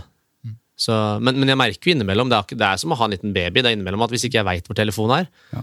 det er litt engstelse altså, som kommer opp i, i huet. Sånn, hvor, hvor er telefonen min? Og da er det sånn, også, og, og det, det er jo litt sånn, da må man være så nøye med å jobbe da, med seg sjøl at da må du sette deg ned og definere hvorfor du blir urolig. Altså, eh, og Dette trenger jo ikke involvere noen andre. jeg egentlig bare gjøre for selv. Hvorfor blir jeg urolig når telefonen min er borte? Altså, sånn jobber jeg veldig mye med meg sjøl nå. når jeg, hvis jeg, altså, Det er jo ikke sånn at eh, siden jeg slutta å drikke, så er livet mitt eh, rosa sky. Alt er perfekt. det, jeg har jo akkurat de samme utfordringene og tankene og, som alle andre. Mm. eh, og hvis jeg da f.eks. på kvelden, da, som mange har tankespinn og sliter med å sove, og sånn, eh, eller at det er noe som plager meg, jeg kan jo kjenne på Oi, faen, nå er det noe som plager meg. Ja, men så er jeg nøye på å stoppe opp. Det er ikke alltid jeg gjør det altså jeg gjør det alltid tidsnok, men, men eh, det er ikke alltid jeg gjør det helt perfekt eh, timing heller. Men jeg gjør det nå før det utvikler seg til å bli noe som, som får konsekvenser. Da. Hva er det for noe? Hva er det? Ok, det kan være flere ting. Ok, Begynn med én ting, da, så rydder jeg det av veien. Altså Er det en svær ball med ting, med skit, som bare er en stor kladd, Nei, men så begynn med et eller annet løst snøre ute i hjørnet, da. Og så er det i hvert fall borte. Og så rydde, rydde, rydde, og definerer det. Hva handler det om? Hva er det? Kan jeg, er det noe jeg kan gjøre for å endre på det? Eh, og hvis svaret er ja, så må jeg tvinge meg sjøl til å faktisk gjøre det. Eh, hvis ikke så blir det ikke borte. og da vil det plage meg. Og det vil jeg jo ikke. Hvis det ikke er noe jeg kan gjøre med det, så må jeg lære meg til, og da må jeg rett og slett legge det bort. Fordi jeg får ikke gjort noe med det. Det er liksom, det er, den, det er for eksempel følelsen bitterhet for ting som har skjedd før.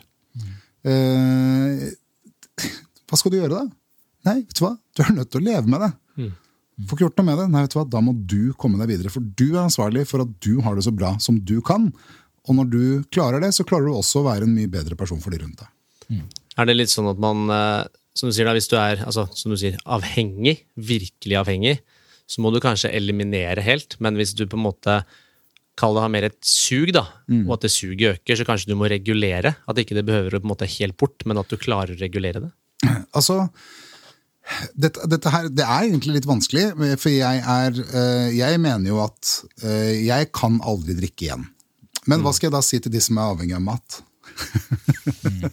du kan aldri spise igjen. det går jo ikke, det. Det, er, det syns jeg er altså Jeg er veldig glad for at ikke, jeg, at ikke det var min avhengighet. fordi det tenker jeg fader, det er tøft, altså. Da må man jo faktisk Det er nesten som om jeg skulle lært meg å drikke kontrollert. Fordi man skal lære seg å spise ordentlig. Ja, ja. Eh, og, og når går det over fra å være en eh, et, et, eh, altså at du, la oss, si, la oss kalle at du bruker mobiltelefonen din risikofylt. Da. Sånn som vi snakker om alkohol, så snakker vi om et risikofylt forhold til alkohol. Altså, du bruker telefonen din med, med, med en økt fare for en konsekvens. Ja, folk tekster jo mens du kjører bil, Ja. hele tida. Ja, ja. Eh, og det er jo på en måte, Du bruker telefonen med en fare for en konsekvens. Når du drikker for mye i en periode av livet, trenger ikke være alkoholiker, så er det litt større sjanse for at du gjør en dårligere jobb, for at du prioriterer feil på økonomi, eller at du, du er en dårligere pappa, eller at eh, kanskje dama di eller mannen din går fra deg. eller- Altså, det er en økt risiko for det. Da Da drikker du risikofylt. ikke sant? Mm. Det samme med telefon. Selv om det, det virker så harmløst i forhold, eh, så, så er det jo sånn og risikoen og konsekvensen er helt annerledes. Så nå brukte jo du datteren din som, som eksempel, så jeg mener ikke deg nødvendigvis, men, men når datteren din eh, sier 'pappa, du er så mye på telefon', da, eh, så, så, så er jo det fordi at du har et risikofylt bruk av telefonen din. Men de som ikke er avhengige, når de blir gjort oppmerksomme på det, så er det valget mye lettere å ta. For da koster det deg så mye mindre å endre på det. Og sånn er det med de fleste som, som ruser seg også. Det er den største gruppa som skaper de største problemene, si, som er den største kostnaden for samfunnet på alkohol i Norge, er jo ikke alkoholikerne. Det, det er jo eh, den store gruppa som er mye, mye, mye, mye større, som, som drikker risikofylt. Eh, som, som, som skaper de største si, arbeidslivet, tapte arbeidsdager, eh, ineffektivitet dagen derpå. Alt dette er ikke alkoholikeren. Eh, det er den store massen med de som i perioder av livet drikker risikofylt. Ja, For det, det her syns jeg er, er veldig spennende, med det å skal definere noe. For det, Hvis vi drar det tilbake, alle vi tre jobber jo med trening. Og her, hvis vi snakker om treningsavhengighet Jeg har tenkt litt nå etter at jeg fikk spørsmålet fra, fra Alex. Når går det over den der eh, ja, den terskelen til at, til at du er avhengig av det? At du føler at du må ha den der lille rusen hele tida som trening gir? For det, det er jo mye hormonelle ting som skjer med kroppen etter at eh, du da har trent. Så går det an å definere når er man da avhengig av trening? Mm. Er, Så jeg syns det der er kjempevanskelig. Jeg, men jeg også syns det er vanskelig. Eh, altså, eh, avhengighetsdefinisjoner eh, er litt forskjellige. Verdens helseorganisasjon har en som er, som er, som er, som er ganske vid, sånn, som gjør at jeg tenker at nei, fader, da Som alle definisjoner de har. ja, ja, men det blir da, Der kan du stappe inn ganske mange flere enn de jeg tror egentlig er det. Eh, så, så, så, så jeg, for meg så blir det litt Jeg ville aldri kalt en annen person for avhengig. Jeg har aldri gjort det, og det håper jeg at ikke jeg gjør heller. For det blir en, det blir en litt sånn eh, det blir litt sånn subjektivt også, og, og individuelt, eh, hvor, hvor man på en måte nesten finner ut litt av det sjøl. men, men det er jo noen sånne altså, For meg handler det ekstremt mye om konsekvens. Eh, og, og det er jo da konsekvens for deg, selvfølgelig. At du, hvis du da Nå har jo du nøkkel til treningsstudio, men uh, hvis da du kommer og døra er stengt, og, og det gjør deg skikkelig skikkelig vondt en dag, eh, og da er du sur når du kommer hjem, for du har ikke fått trent. ikke sant? Det står du er, det, det er, du er korona, isolert, eh, og skjønner ikke hvordan du skal klare å trene hjemme. Og hvis det, da, sant, da må du liksom Fader, gjør det meg faktisk så mye? Plager det meg så mye? Gjør det så mye med meg? Er det sånn at familien min syns at jeg er en kjip fyr? fordi da, da begynner det liksom å komme over i noen sånne konsekvenser som, som gjør at du kanskje er nødt til å endre på det. da. Mm. Uh, uh, uh, du må ha dette Du sier jo, og det, og det er helt greit, tenker jeg, at du er i bedre stand til å være en bedre sønn og mer til stede. Men hvis du må ha det for å være en god sønn og til stede, ja, da kanskje det er problematisk. For hva skjer da når du blir borte? Når du brekker beinet. Hørte dere Ida? Ja. Kan du reflektere litt? Nei, jeg sier jo ikke at du er avhengig av å trene. Nei, nå sa jeg til samboeren min. Å ja, Ida, ja. Unnskyld. Det var det. Nei, jeg føler- Datteren min også heter Ida. Ja, ja. Tom heter ikke, heter ikke. Nei. Nei, Jeg føler meg nok kanskje ikke avhengig av det. Da tror jeg nok kanskje jeg har brukt enda mer tid på det. Men jeg, man, man legger jo merke til Vi har jo PT-kunder, vi har jo folk på treningssenteret som bare kommer inn den døra der flere ganger i uka, og, og attpåtil to ganger om dagen til og med. og man ser, Det eneste man ser, er at de har jo bare lyst til å bli bedre. Crossfit, sånn som jeg driver på med, det, det er jo en, en treningsform som krever at du, du er der ofte. Og det at du da skal øve på ulike ting, og her har du muligheten til å trene tidlig på dagen, muligheten til å trene sent på dagen, og det føler veldig mange trenere gjør, det, det er jo oppbilden det her til å Ok, nå er du flink, nå er du veldig imponert, nå trener du veldig ofte, nå er du dedikert.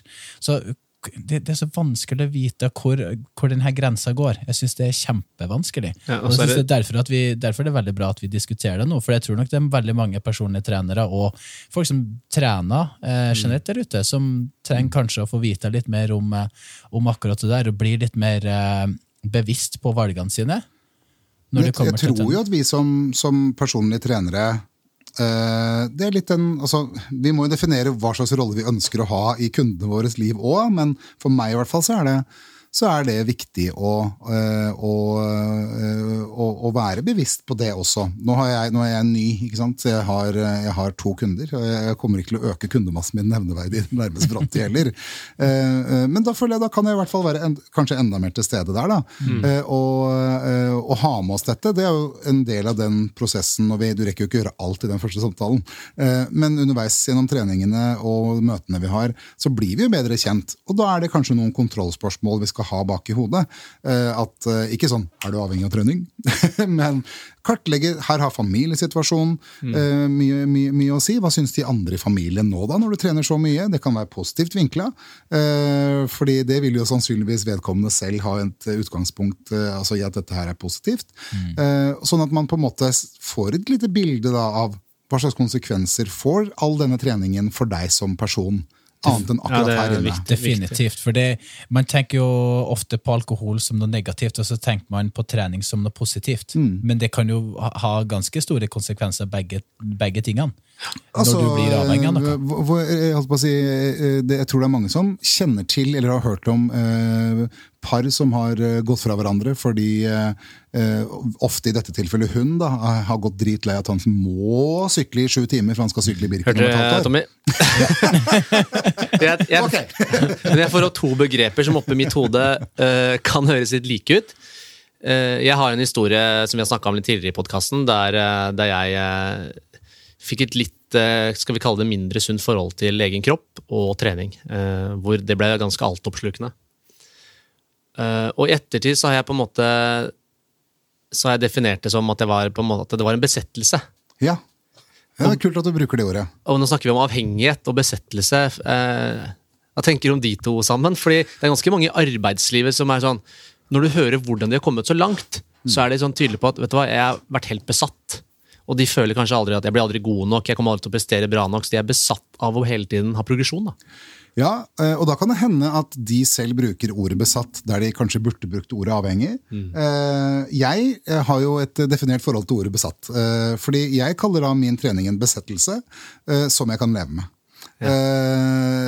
Sånn at for meg er en Det høres jo helt forferdelig ut. da, Besatt er jo en, det er jo en ond demon som river og røsker i kroppen din for å oppnå Du skal gjøre det! Men, men, eh, men jeg eh, må da eh, erkjenne overfor meg selv at jo, trening er en besettelse for meg. Vet du hva? Trening er jævlig viktig for meg. Eh, men ok, da må jeg løse det på en måte som gjør at jeg, det gjør meg godt. Jeg må løse det på en måte som gjør at det gjør familien min godt. Jeg må løse det på en måte som gjør at ikke sant? Uh, hadde jeg vært avhengig, så hadde jeg ikke klart det. Nei. Det er sånn jeg ser så da- forskjellene på de to. Da, så jeg, uh, avhengighet og, og besettelse. Ja, for da skulle jeg egentlig spørre om det finnes gode en, en positiv avhengighet, men da, kan vi, da har du på en måte definert det som en besettelse. Ja, Som det du er kan for leve meg, med. da. Så Ja. det er ikke, det, er ikke, det er Nei, det er jo betydningen av ordet. Men, men for meg så er det det det betyr. Og, og da, har jeg, som, da har jeg funnet en sånn Ja, ok, ja, men da må jeg erkjenne at så viktig er det for meg. Og så må jo jeg sette altså Alt dette handler jo om at en selv skal ha det godt. Så eh, egoistiske tror jeg det er lurt at vi er, for da er vi også i stand til å være gode mot de rundt oss. For det ønsker vi jo òg, ikke sant. Det har jo en plass på prioriteringslista vår. Men, men da er det da Da må du sette inn disse tingene, da. Og så må du Ok. Eh, hvis eh, samboeren min eh, ikke eh, klarer å leve med at jeg trener fem dager i uka Jeg er besatt av å trene. Jeg trenger trening i livet mitt. Det, det, det må jeg ha for å være, for å være lykkelig. Ja, men hvor, hvor er de på prioriteringslista, da? Ok, eh, jeg, er jeg Det kan godt hende mange Birken-karer har eh, tenkt at det var helt greit at hun gikk, fordi at Birken var viktigere for meg. men, men, men da må Ok, vet du hva? Hun er viktigst for meg. Det er det viktigste. Men kan hun leve med at jeg trener fire, da? Ja, det kan hun. Ja, da er vi enige om det. Og så inngår jeg et kompromiss, og så gjør hun det samme. Så lever vi godt med det begge to. Det er avtalt, det er klarert, det er snakka om. det er da, Og da må jeg lære meg til å leve med den ene økta mindre i uka, da. For eksempel. forventningsavklaringer, det har jo alt å si i livet, har det ikke Ja, det? har uansett, det. uansett hva det er for noe. Så har jo det. Og, være, og da er det dritviktig å være ærlig. Kjempebra. Nei, jeg syns uh, det her er ekstremt spennende. Vi, vi tre her vi er jo kanskje ikke um, Skal komme og generalisere litt, men vi er jo kanskje ikke de som er de riktige til å snakke om eh, akkurat det når det kommer til trening. men eh, og det skal være, Jeg føler meg jo litt sånn besatt av det å skal, skal trene. Og Jeg trodde du skulle si at du var besatt av alkohol. Nei, Fordi vi fant et nytt ord. ja. Og Alex, du er vel òg ganske besatt av trening og den følelsen det, det gir. Og jeg, jeg føler meg jo litt rar. Jeg tror mange ser på oss som litt sånn skrudde personer. Fordi jeg, jeg kan fort tenke at hvorfor trener ikke du? Du vet jo at trening gir deg absolutt alle de gode tingene som du egentlig trenger i livet ditt. Og så tenker jeg at hvorfor, hvorfor trener du ikke én eller to ganger i uka? Så jeg, jeg synes vi, Det er vanskelig å sette seg inn i situasjonen til en person som ikke, ikke trener. Vi vet hvor viktig trening er, men når går det over grensen? Når piker man den eh, grensen der? Når går det over til å bli mer enn en besettelse? For, men, men, og for alle disse menneskene som For det kan jeg kjenne meg igjen i, jeg òg, ikke sant? Eh, men det kan jo være massevis av forskjellige grunner til at de ikke trener. Eh, og hvis man da kommer litt inn i det, så tror jeg at også veldig ofte så, så tror jeg at de du hadde fått i gang de med å trene, eh, men kanskje ikke akkurat den type trening som de har veldig mange dårlige erfaringer med fra før. Eller, så dette med å finne eh, og, ikke, og ikke snakke ned f.eks. å gå seg en tur, da, og ikke snakke det ned. Enig. Eh, for det, nei, nei, hva har, du, har du trent? Eh, Nei, jeg har ikke trent noen ting. Altså, jeg, jeg har gått en times tur hver dag, men jeg har ikke trent noen ting. Jeg, Jeg tok bare en liten joggetur på en topp på i Brønnøysund, så det var ikke noe trening. Nei, liten fjelltur. men men eh, altså, sånne ting, da. Mm. for å være med på å tilgjengeliggjøre trening òg. Mm. for jeg tror at veldig mange ville ha funnet glede i glede i trening hvis, eh, hvis de da eh, hadde fått hjelp til å, til å åpne opp denne verden litt. For trening er jo definitivt ikke bare å stå og pumpe opp eh, bicepsene sine eh, eller dra på seg en liten rabdo eh, på, på sirkeltreninga di. det, det, det er på en måte Det er så innmari mye mer enn det, da. Ja. Ja, det er. Eh, Så, så det å tilgjengelig det kan kanskje, kan kanskje være en god idé. Bra. Vi nærmer, oss, vi nærmer oss avslutning, jeg skal bare si en ting her, eh, Tommy, til at eh, jeg er ikke lik som deg der, altså. Jeg skjønner at folk ikke alltid har lyst til å trene. Ja, okay. Mm. Uh, og jeg, har jo, jeg hadde jo en periode hvor jeg hadde virus som jeg ikke kunne trene noe særlig, når jeg var i pappaperm og sånn. Eh, og det å starte opp å trene igjen da, når jeg ikke var vant til det altså det, var, det var vondt, smertefullt for kroppen, og jeg ble fort vant til etter at du kommer over kall det avvenningsfasen av å ikke trene, så, så ble jeg fort vant til å, til å ikke gjøre det. Og da ble det behag å la være. Ja. dette har jo dere lært Vaner meg. og rutine. Kroppen er Ja. natt. Kroppen er latt, det er helt riktig. Så, så det jeg sier, jeg kan forstå. Så du sier at du skjønner ikke at folk ikke gjør det. Mm. men det handler jo ikke om å logisk forstå ting. Altså, om man drikker alkohol, så kan man noen ganger logisk forstå kanskje når man ikke drikker at det er sikkert ikke så smart. Men det er jo ikke det det Hadde det vært så enkelt, så hadde vi jo ikke det, ja, det der. Ikke sant?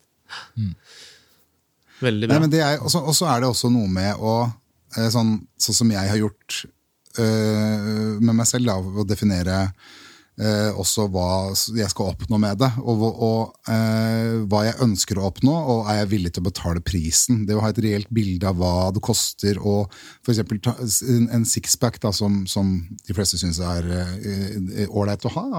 Gutta syns det er fint med en liten sixpack. Ja, eh, ok, jeg har hatt sixpack. Ikke så lenge siden heller, men, men en stund siden. Og så kom jeg til et punkt hvor eh, jeg driver og lager mat og holder på med disse boksene og veier mat. og eh, altså Nei, du kan ikke ha dekk så, ikke sant, Jeg spiste jo ikke, jeg brukte ikke vanlig krydder engang. altså, altså, og så- og så gjorde jeg, jeg gjorde det i tre år eller noe sånt. Og så, og så en dag plutselig så dette her, Jeg prøvde å betale dattera mi, jeg prøvde å betale folk for å lage den maten. Jeg synes det var helt jævlig kjipt å holde på med, Men jeg skulle gjøre det, fordi at jeg skulle oppnå noen resultater. da. Og så har jeg eh, stoppa opp og så har jeg tatt en avgjørelse på at jeg ser meg sjøl i speilet så ser jeg at ok, jeg er eh, Jeg kunne godt tenke meg å ha det, men jeg er ikke i nærheten av å være villig til å betale prisen Nei, for og det. det er forstå vil å være villig. Ja. Og vet du hva? Og det er avveining. Da lever jeg med det, og syns at det er helt greit. Det også er litt viktig å gjøre, da, at man også ser seg i speilet og Jeg har det fint, jeg. Det, går, det er faktisk ganske ålreit, dette her. Sånn, Hvis vi hopper litt tilbake til det, da, Mikael. Var det, var det et eller annet du skulle ønske at noen sa eller eh, gjorde i den perioden som det sto på som verst? Følte du at det mangla støtta, eller følte du at det Nei, eh, jeg gjør egentlig ikke det fordi at, øh, fordi at folk visste jo ikke hvor ille det var. Hadde folk visst hvor ille det var, så tror jeg mange hadde reagert annerledes. Men jeg jobba beinhardt med å skjule det, Mm. og jeg jugde for at ingen skulle forstå hvor ille det var. Eh, altså Hvis man skal sånn, ok, du kan gni på flaska og komme med et øh, ønske om hva som helst, så skulle jeg ønske at noen hadde sett det og forstått det og hjulpet meg på et tidligere tidspunkt. Men jeg kan ikke forlange at noen skal forstå det. Eh, Så det er ingen mennesker jeg mener eh, ikke har gjort nok, eller ikke har strukket ut hånda. Eh, Jeg skulle ønske at noen hadde sett det på et eh, tidligere tidspunkt. Men eh, det ble sånn som det ble. Det er jo, eh, vi var jo kjapt inne på det her i stad, dette med ting man ikke kan forandre på. Eh, jeg kan ikke forandre på noen ting av det, men jeg kan eh, velge å gjøre noe annet i dag. Og det må jeg gjøre hele tiden, og det gjør jeg. Og det har lært meg til å leve med det som har vært. Jeg har, eh, altså Datteren min, som da var mest utsatt for min alkoholisme, det første vi gjorde da jeg var ute av institusjon, var å legge oss sammen hver eneste dag. I halvannet år la vi oss sammen og sov sammen, bare hun og jeg. eh, Og hadde samtaler på sånn halvtime, 40 minutter, hvor det var helt sånn åpent og fritt eh, å konfrontere med alt. eh, Komme med sine versjoner av ting som hadde skjedd. Og For der er også vi voksne veldig sånn Vi, vi, vi pålegger barna våre vår versjon. Og hvis vi ikke helt liker hvordan vi blir fremstilt i hvordan barna beskriver oss i den situasjonen, så har vi også en tendens til å si ja, men jeg var jo bare glad, da. Eller mm. du fikk jo litt ekstra penger til is, da. Eller for å på en måte eh, dreie dette til en mer positiv opplevelse som vi kan leve litt lettere med. Mm. Det gjorde jeg aldri. Eh, Jeg, eh, fordi barns versjon er jo like riktig som din versjon. Mm. Og dette gjorde vi gjorde vi hver eneste dag over ganske lang tid. Det gikk eh, kanskje et halvt år, så stilte hun samme spørsmål igjen som hun hadde stilt før, for å høre om jeg eh, var ærlig. da, Om jeg svarte det samme. Eh, Og bygge den tilliten igjen. da, Som hun sa en gang, jeg skjønner jo at du er ærlig, pappa. Jeg merker det. Jeg hadde ikke innrømt halvparten. Hun sa det, ja. ja, ja. Eh, og- og i dag så er det Vi har masse humor på alkohol, men det blir jo litt sånn set, set, Galgenhumor. Ja, det blir jo det. Eh, og og uh, hun eh, har jo altså Hun har ikke giddet å lese hele boka mi engang. Uh, for at hun, har- jeg, tror jeg, jeg, jeg har hørt dette her før. Jeg, eh, altså, hun vil lese der det står om henne, selvfølgelig. Men utover det, jeg husker da den kom også. Bilde av meg på forsida. Hun syntes jo det var dritkult, hun òg. Eh, og så tok hun meg inn på rommet. Det gikk fem minutter. Så kom den boka bare seilende litt sånn. Jeg er så kjedelig. og det syns jeg er godt, da. fordi at Ja. når det er kjedelig, så betyr det at uh, her har vi jobba gjennom alt veldig, veldig godt. Så i denne perioden så drakk du jo litt for å bli roligere, og at du sa at du snakka litt, litt om den indre uroen. Har, etter 2012, endra det seg? Fant du andre måter på å skulle eh, kontrollere den indre uroen hvis du hadde, eller for å da bli roligere? Så endra det seg fra å ha en avhengighet til da alkohol, eh, og så bli avhengig av noe annet? Eller var det bare sånn at du var ferdig med den avhengigheten for alkohol, og så gikk det bare videre? Altså Den avhengigheten for, til alkohol, Ja. eh, den, den er på en måte altså, det, det, det blir jo aldri borte, men, men, men jeg har aldri kjent noe sug, aldri kjent noe ønske. altså Jeg forbinder det jo med veldig mye mer negativt enn det dere sannsynligvis gjør. Uh, uh, og, og, det, og det tenker jeg er uh, nesten like mye flaks som godt arbeid. Det kjenner mange som sliter med å gå forbi ølhylla på matbutikken når de skal handle mat, eh, eller som, som syns det er litt vondt eh, å gå forbi Vinmonopolet f.eks., eksempel som kan kjenne på sug. Eh, og der har jeg vært heldig som ikke har det. Mm. og jeg har vært på polet og, og kjøpt litt hvitvin til datteren min. Jeg er veldig glad i hvitvinsdampa blåskjell. Jeg husker Første gangen syntes det var litt rart, for at jeg, jeg har jo shoppa nok på de vinmonopolene i nærheten av der jeg bor. Så, og da hadde det gått noen år, og det hadde jeg stått fram i VG og alt. Som, eh, og så, så første jeg ser, er liksom noen som sitter i kassa som Ja, vi har sett hverandre før. og jeg tenkte, hva tenker hun nå? tenkte jeg. Det syntes jeg var litt sånn kjipt og litt pinlig. Og så eh, kjøpte jeg det jeg skulle og gikk ut igjen. Og så tenkte jeg etterpå at hvorfor Altså, jeg var mye på polet, altså. jeg lata som jeg var interessert i når kommer Beaujolais og bla, bla, bla. Jeg kjøpte en flaske, og så kjøpte jeg en kartong og vodka. Det var det jeg ville ha. Så, det er aldri noen som sier noe der. Det er det sted, vi er så heldige at vi har et sted hvor vi er nødt til å gå for å få tak i ikke øl, da, men, men vin og, og sprit. Vi må dit. Altså, sånn, et kontrollert område. Vi, vi må inn dit. Og der er det ingen Det er ikke en informasjonsbrosjyre om skadevirkningene av det rusmiddelet vi er inne og kjøper. Ikke én. Hvis du har vært der, og det ser ut som om du handler inn til fest fire ganger i uka ingen, Jeg sier ikke at de skal liksom stopp, stopp, du der borte, du drikker for mye. Ingen spørsmål, ingen uh, Det er ingenting. Det syns jeg er litt rart. Unnskyld, nå spora jeg masse av fra det du spurte. Nei, men det er veldig, veldig ja, det, jeg synes det er veldig rart, det. Ja, egentlig så er det sånn Om ikke annet, der det ligger innpakningspapir, legg et par brosjyrer der, da. om alkoholisme. Skriv opp et telefonnummer, da, som det står på Norsk Tipping sine sider. hvis tenk du er på, jeg tenker på hvor mye jobb man gjorde med, med røyk, da, Ja. for å prøve å få fram det. Hvorfor gjør vi ikke det med alkohol? Jeg tror ikke vi engang faktisk vet, fordi ingen har syns at det er så smart å finne ut av det, hva den reelle kostnaden for samfunnet vårt av å ha et lovlig rusmiddel er. Jeg mener ikke at vi skal forby det, det har vi prøvd før, det funka skikkelig dårlig. Og hvor skadelig det kan påvirke et menneske òg, Ja. ikke minst. Det ser, ja, det ser man jo med andre rusmidler. Så jeg skal ikke si at man skal legalisere alt, det er en helt annen debatt. Men da Folk som vil ruse seg, de finner jo. Og Vil du ruse er ikke noe problem å få det til. Nei, det, det, tror jeg. Og det er litt sånn jeg synes er gøy alltid med diskusjoner rundt åpningstider. og, og, og sånn. Det er sånn, Rekk opp hånda alle som sliter skikkelig med å få tak i alkohol i dag. sliter du med å få tak i alkohol? Det, tror jeg ikke, det tror jeg ikke folk gjør. Nei. Vi trenger altså Vi har et lovlig rusmiddel. La oss nå i hvert fall uh, ta unna konsekvensen av det, før vi snakker om å øke tilgangen, hente inn flere. Vi, og det er fint at vi har et lovlig rusmiddel. Det er helt tipp topp, det. Folk flest bruker det helt ålreit, så det går fint.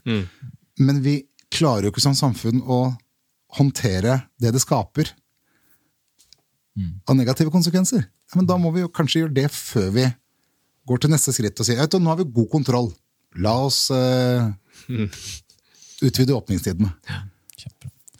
Veldig fint. Kjempespennende det her også. Nei, Det er kjempebra, Mikael. Ja, veldig, veldig bra. Eh, Fantastisk eh, interessant samtale. Mm. Og jeg tror vi kunne sitte her, i hvert fall jeg kunne sitte her og stilt masse masse, masse spørsmål Jeg til. kunne sitte her lenge, jeg, Jeg jeg, men jeg veldig- skravle, da, så det går jo. Da da er vi tre. Eller Tommy later som han ikke er så glad, og så går han ut på sånn tirade som varer i ti minutter. Nei, du, det har han ikke gjort, altså. Nei, ikke i dag. Jeg, har gjort det i dag, og det, men sånn Det er første gang vi har en innlegg som forsvarer deg, men eh, det er bare at Det er deilig. jeg hører Pernille sier at når du snakker, så har hun på sånn dobbel hastighet. For hun sier Nei, når vi snakka, sier hun. Ja, ja, det Donald. Nei, hun sier at hun, Men det er fordi hun bor sammen med Tommy, så hun vet jo hva han skal si. To minutter før han kom ut i Ja da, det er altså, ganske altså, hvis, forutsigbar. hvis samboeren min hører på denne podkasten, så kan det nok hende at jeg går på tri- både dobbelt og trippel hastighet. og- Men Tommy, du har et spørsmål du alltid stiller alle gjestene våre. Ja, det, var, det skulle jeg rette inn på nå, faktisk. Avslutningsvis her nå, så bruker vi å spørre eh, gjestene våre om de to beste treningsøvelsene som du kjenner til. Det trenger ikke være nødvendigvis en treningsøvelse, men det kan også være en treningsform. Eh, Eller en ting du gjør, en fysisk aktivitet. Og så de to du liker minst. Ja. Jeg er så lite begeistra for knebøy. Jeg, og det er så dum øvelse. Ja! men det, er så dum, Ja! det er så dum øvelse å ikke være begeistra enig. for. Men jeg, jeg kjente det sist her nå, når jeg trente bein. Så tenkte jeg, altså, så, så, så, så har jeg, eh, eh, Markløft syns jeg er helt fint. Det er gøy. Eh, men, men tungt, men gøy. Eh, og så kommer den forbanna knebøyen. Da er vi faktisk tre av tre her inne som ikke er noe særlig eh, fan av knebøy. Ja. Ja, Nei, nei, det, Men, det, men han har den på topp på hver topp. Det hadde jeg òg. ja det er sant. Altså, jeg har den ikke på topp, men den er, Altså, den er er, er rundt der. ja, Den er Nei, den, den syns Altså, Knebu liker du ikke i det hele tatt. Nei, jeg gjør ikke det. Men jeg, men jeg tvinger meg sjøl til å gjøre den. da Men eh, det medfører nok at jeg har noe mindre belastning enn jeg burde hatt noen ganger. Men sånn får det bare være, tenker jeg. Nummer to, da? Eh, nei, nummer to, fader, vet du hva, da, da, da høres det ut som jeg er nyfrelst eh, fra, eh, fra treningskirken, som syns alt er gøy, nesten, unntatt knebøy. Men nei, det, der sliter jeg litt med, for der varierer det så veldig. Eh, der kan det være eh, at jeg en lang periode bare elsker biceps curl, og, og kikker ned på mine egne biceps og er småfornøyd når jeg ser litt blodårer. Så ærlig kan vi være. Uh, Det er deilig å høre, altså. mens jeg uka etter kan synes at å, det er vondt, og det er, uh, det er ikke noe gøy i det hele tatt. Så, Sånn varierer jeg veldig da, på, på øvelser. Jeg kan synes benkpress er kjempegøy, og så syns jeg plutselig at, at det ikke er noe gøy lenger. At jeg gruer meg litt til den øvelsen på økta. Uh, jo, vet du hva? Eh, jeg er ikke så glad i utfall. Nei. Utfall, utfall fram, gående? gående. Gående, gå, vanlig gående utfall. Nei, bulgarsk utfall, sånn, det orker jeg ikke å tenke på engang. Det, det er enda verre igjen. Husk at det heter bulgarsk splitbøy nå, da. Så det er jeg veldig lei meg for. Der ser du med en gang. Der kommer studenten. eh, den ferske rookien. Hva er det som er eh, top notch, da? Nei, der er jeg jo Jeg er veldig glad i sittende roing. Oh. Åh, det er deilig å bare kjenne den du drar. Jeg føler meg sterk og, og tøff når jeg sitter på siden. For det har jeg mye, Men det er nok sikkert fordi at der er jeg, føler jeg at jeg er ganske sterk. Uff, det er sånn deilig. Så sittende roing syns jeg er deilig. Eh, og jeg føler meg også altså jeg, jeg er også veldig glad i leg extension. For der også føler jeg meg Det er nesten litt rart, da, for, men knebøy er jo så mye annen kropp. Ja. Så leg extension, for jeg er altså ganske sterk i låra. Da også syns jeg det er deilig med sånn power, for det er jo sånn off, eh, opp, altså bare holde den litt der oppe og kjenne at det dirrer litt. Så mye Og- mindre ting å tenke på. Ikke noe balanse, ikke noe sånn ja, ja mas og kjas. Det bare, du, Husker du en gang det var leg extension? Når var det du kjørte leg Ah, sist? herre, jeg husker ikke. Jeg, jeg, jeg satt og tenkte på noe hvor lenge siden jeg har tatt bicepskøl òg. Jeg tror det fort kan bli fem-seks fem, ja. Fem, år Jeg- siden, og leg extension akkurat samme. Jeg kan ikke huske sist jeg gjorde det. Nei, jeg må- men leg extension skulle ønske at jeg kunne gjort litt Men kan vi si det samme som jeg alltid sier? Du ser Tommy har på seg Tommy-bukse i dag òg, for du ser leggene kommer ut av buksa. Han har alltid på seg Tommy-bukse. Og eh, han har jo 60 cm rundt armene uten å ha gjort en bicepskøll, så det er klart at da kan du sitte der og si at 'jeg er ikke så opptatt av bicepskøll'. Nei, nei da, det er greit. Uh, uh, Heldigvis så trenes jo biceps på litt uh, flere måter Ja, enn det er bare sant, det. Så det er veldig ja, men det er noe med å få det, og der er jeg glad i liksom å, å, å, å være litt, eh, ha litt pump. Jeg syns det er en deilig følelse. Vet du hva, Mikael? Jeg syns vi skal dra ned på Haraldsendag med litt Gasper-bukser og så ta noen bicepskøll. Ja, Der er det drit lenge siden jeg har vært. Der Da er det faktisk møter noen år siden jeg har vært. Da møter dere ute for å ta bilde, og så går jeg igjen. ja. ja. Men, eh, men eh, jeg syns noen ganger at sånn litt sånn old school gym Ja. eh, er litt sånn gøy. Og du må huske at eh, av alle manualene som er på Haralds gym, så er det Harald som har sveisa dem sjøl. Da er det litt ekstra Ja, det er gøy, Altså. Det er gøy. Det er litt ekstra gøy. Men den aller beste treningsformen jeg vet om, er thaiboksing. Masse mestring. Du lærer noe nytt hele tida. Du føler deg flink eh, hele tida. Litt frustrasjon en liten periode, så løsner noe nytt. Du blir aldri utlært. Det er bra, eh, kjempebra trening. Du har høy puls, eh, og det er litt macho. Det er kanskje den diggeste treningsformen jeg veit om. Bra innsalg, jeg ble sugen. Ja, Du, vet du hva? Det er så utrolig Kanskje det er Lett det å du bli skal Kanskje det du skal teste, Alex. Er kanskje det neste Jeg kan ta med dere på jeg, jeg kan ta dere med jeg på thaiakt. Oh, ja, Det er gjerne. jo null problem. Det er bare å komme. Ja. Jeg bruker det som cardio jeg, på, på kundene mine hvis jeg har lyst til det. Kjøre puter. Kult. Gøy. Får lov å sparke og slå meg, men du blir jævlig sliten. Tommy, tar du utfordringa? Ja, hvorfor ikke? Bare si fra. Ja, perfekt.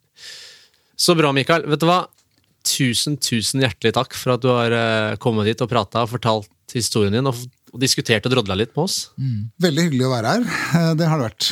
Det Jeg syns det er gøy. Det er også gøy å, å, å snakke litt trening òg. Det er gøy. Veldig gøy. Og du, du sa jo her før vi slo på eh, mikrofonene og slo på spilleren, så sa du jo at uh, du kommer ikke til å være på så veldig mange podkaster nå, nå fremover litt med, med historien, og sånn, så vi føler oss veldig privilegert som faktisk fikk det hit som gjest, og det setter vi veldig veldig stor pris på. Det er veldig hyggelig, da. Og, men, men, altså, altså, nei, men det er litt sånn. Det er, det er mange podkaster, men, men, eh, så, jeg, så jeg skal, jeg skal jeg ha en liten pause som gjest. Men, Ja. men for meg, så er det, og det må dere huske på også, alle de studentene der ute som, som om de har vært på samlinger med dere, eller sånn som meg, har sett dere mest på en skjerm, da. eh, Så, så, så, så er det litt kult for oss å, å kunne være sammen med dere òg. For, for, eh, for meg er dere forbilder, dere er kunnskapsrike på et område jeg eh, har masse å lære om. Så jeg syns det er kult. Så jeg synes det er veldig ålreit å være her. Så bra. Takk for det. Takk for det. Åh, bra. Det her har vært bra, Tommy. Veldig enig. Men nå er det snart leggetid for meg, så vi skal, eh, vi skal gjøre det vi pleier å gjøre, og lette etter døgnet. Jeg ser øyelokkene begynne å dra seg Jeg ned ser mot Mikael ser eh, på klokka når jeg snakker om at det er leggetid, men nei, men altså, Når er det du legger deg hver dag? eh, jeg prøver å være i seng. Hvis det ikke er Champions League-kamp jeg skal se, da, så jeg prøver jeg å være i seng til ni. Til ni? Altså, Jeg er i seng til ti, og jeg får høre av folk at fy fader, det er Ja, da. Jeg måtte stå opp Ja, jeg sto opp uh, kvart over fire i dag, da. Men hvorfor står du opp kvart over fire? For jeg skal være på jobb seks. Og så trenger jeg én time om morgenen, for jeg er jo avhengig av den tiden jeg har om morgenen. Få kaffekoppen, Ja da. for den, er, den må jeg ha. Du burde Så ha du lagt har så ekstremt burde, langt morgenritual at du må stå opp litt på natta. Ja. Ja, ok. Ja, Det men. Så dårlig United er, så burde du bare lagt det litt tidligere i går. Så Og vi, vi lette et døgn. Det er vi blitt enige om at det ikke er en fotballpodkast, Tommy. for okay, okay. Akkurat i dette tilfellet så, så er vi to på samme lag. Nei, igjen! Og hvis, og en ting til. Det her er Nå skal jeg bare si en ting til. Jeg kjørte bicepskurlag, det sa jeg, Ja. Med Ronaldo på ryggen. Å, herregud. Gi meg styrke. Du burde jo ha DGA som redda dere gjennom absolutt alt Ja, her. Nei, det er bra. Hvilket lag holder du med? Jeg er Liverpool-fan. Fy faen. Liverpool. Men uh, da, er det, da er det vel på tide å, eh, å si til folk der ute at uh, vi setter ekstremt pris på alle meldingene vi får. Alle tilbakemeldinger som folk sender oss. eh, Delinger. sp delinger at dere hører. Spørsmål som stilles. Vær så snill, fortsett med det. Mm. Fordi vi svarer mer enn gjerne. Og hvis det er noen ting dere vil vi skal ta opp i podkasten, så send det inn. da. Ikke vær så sjenerte og prøv å bake det inn i noe annet. Bare si at hva vi skal ta opp. Ja, vi heter jo podkasten Litt for personlig trener. Så Vi vær litt heter personlig. ikke podkasten, vi heter Litt for personlig trener. Så, ja. Så podkasten vår heter Litt for personlig trener. Ja, og da setter vi jo pris på at når vi er litt personlige, så kan gjerne publikum være litt, eh, litt for personlig. Det kan vi. Så takk for at du hørte på, og så håper vi at du hører på igjen neste uke. Ja, det gjør vi. Bra. Takk for i dag. Takk for i dag.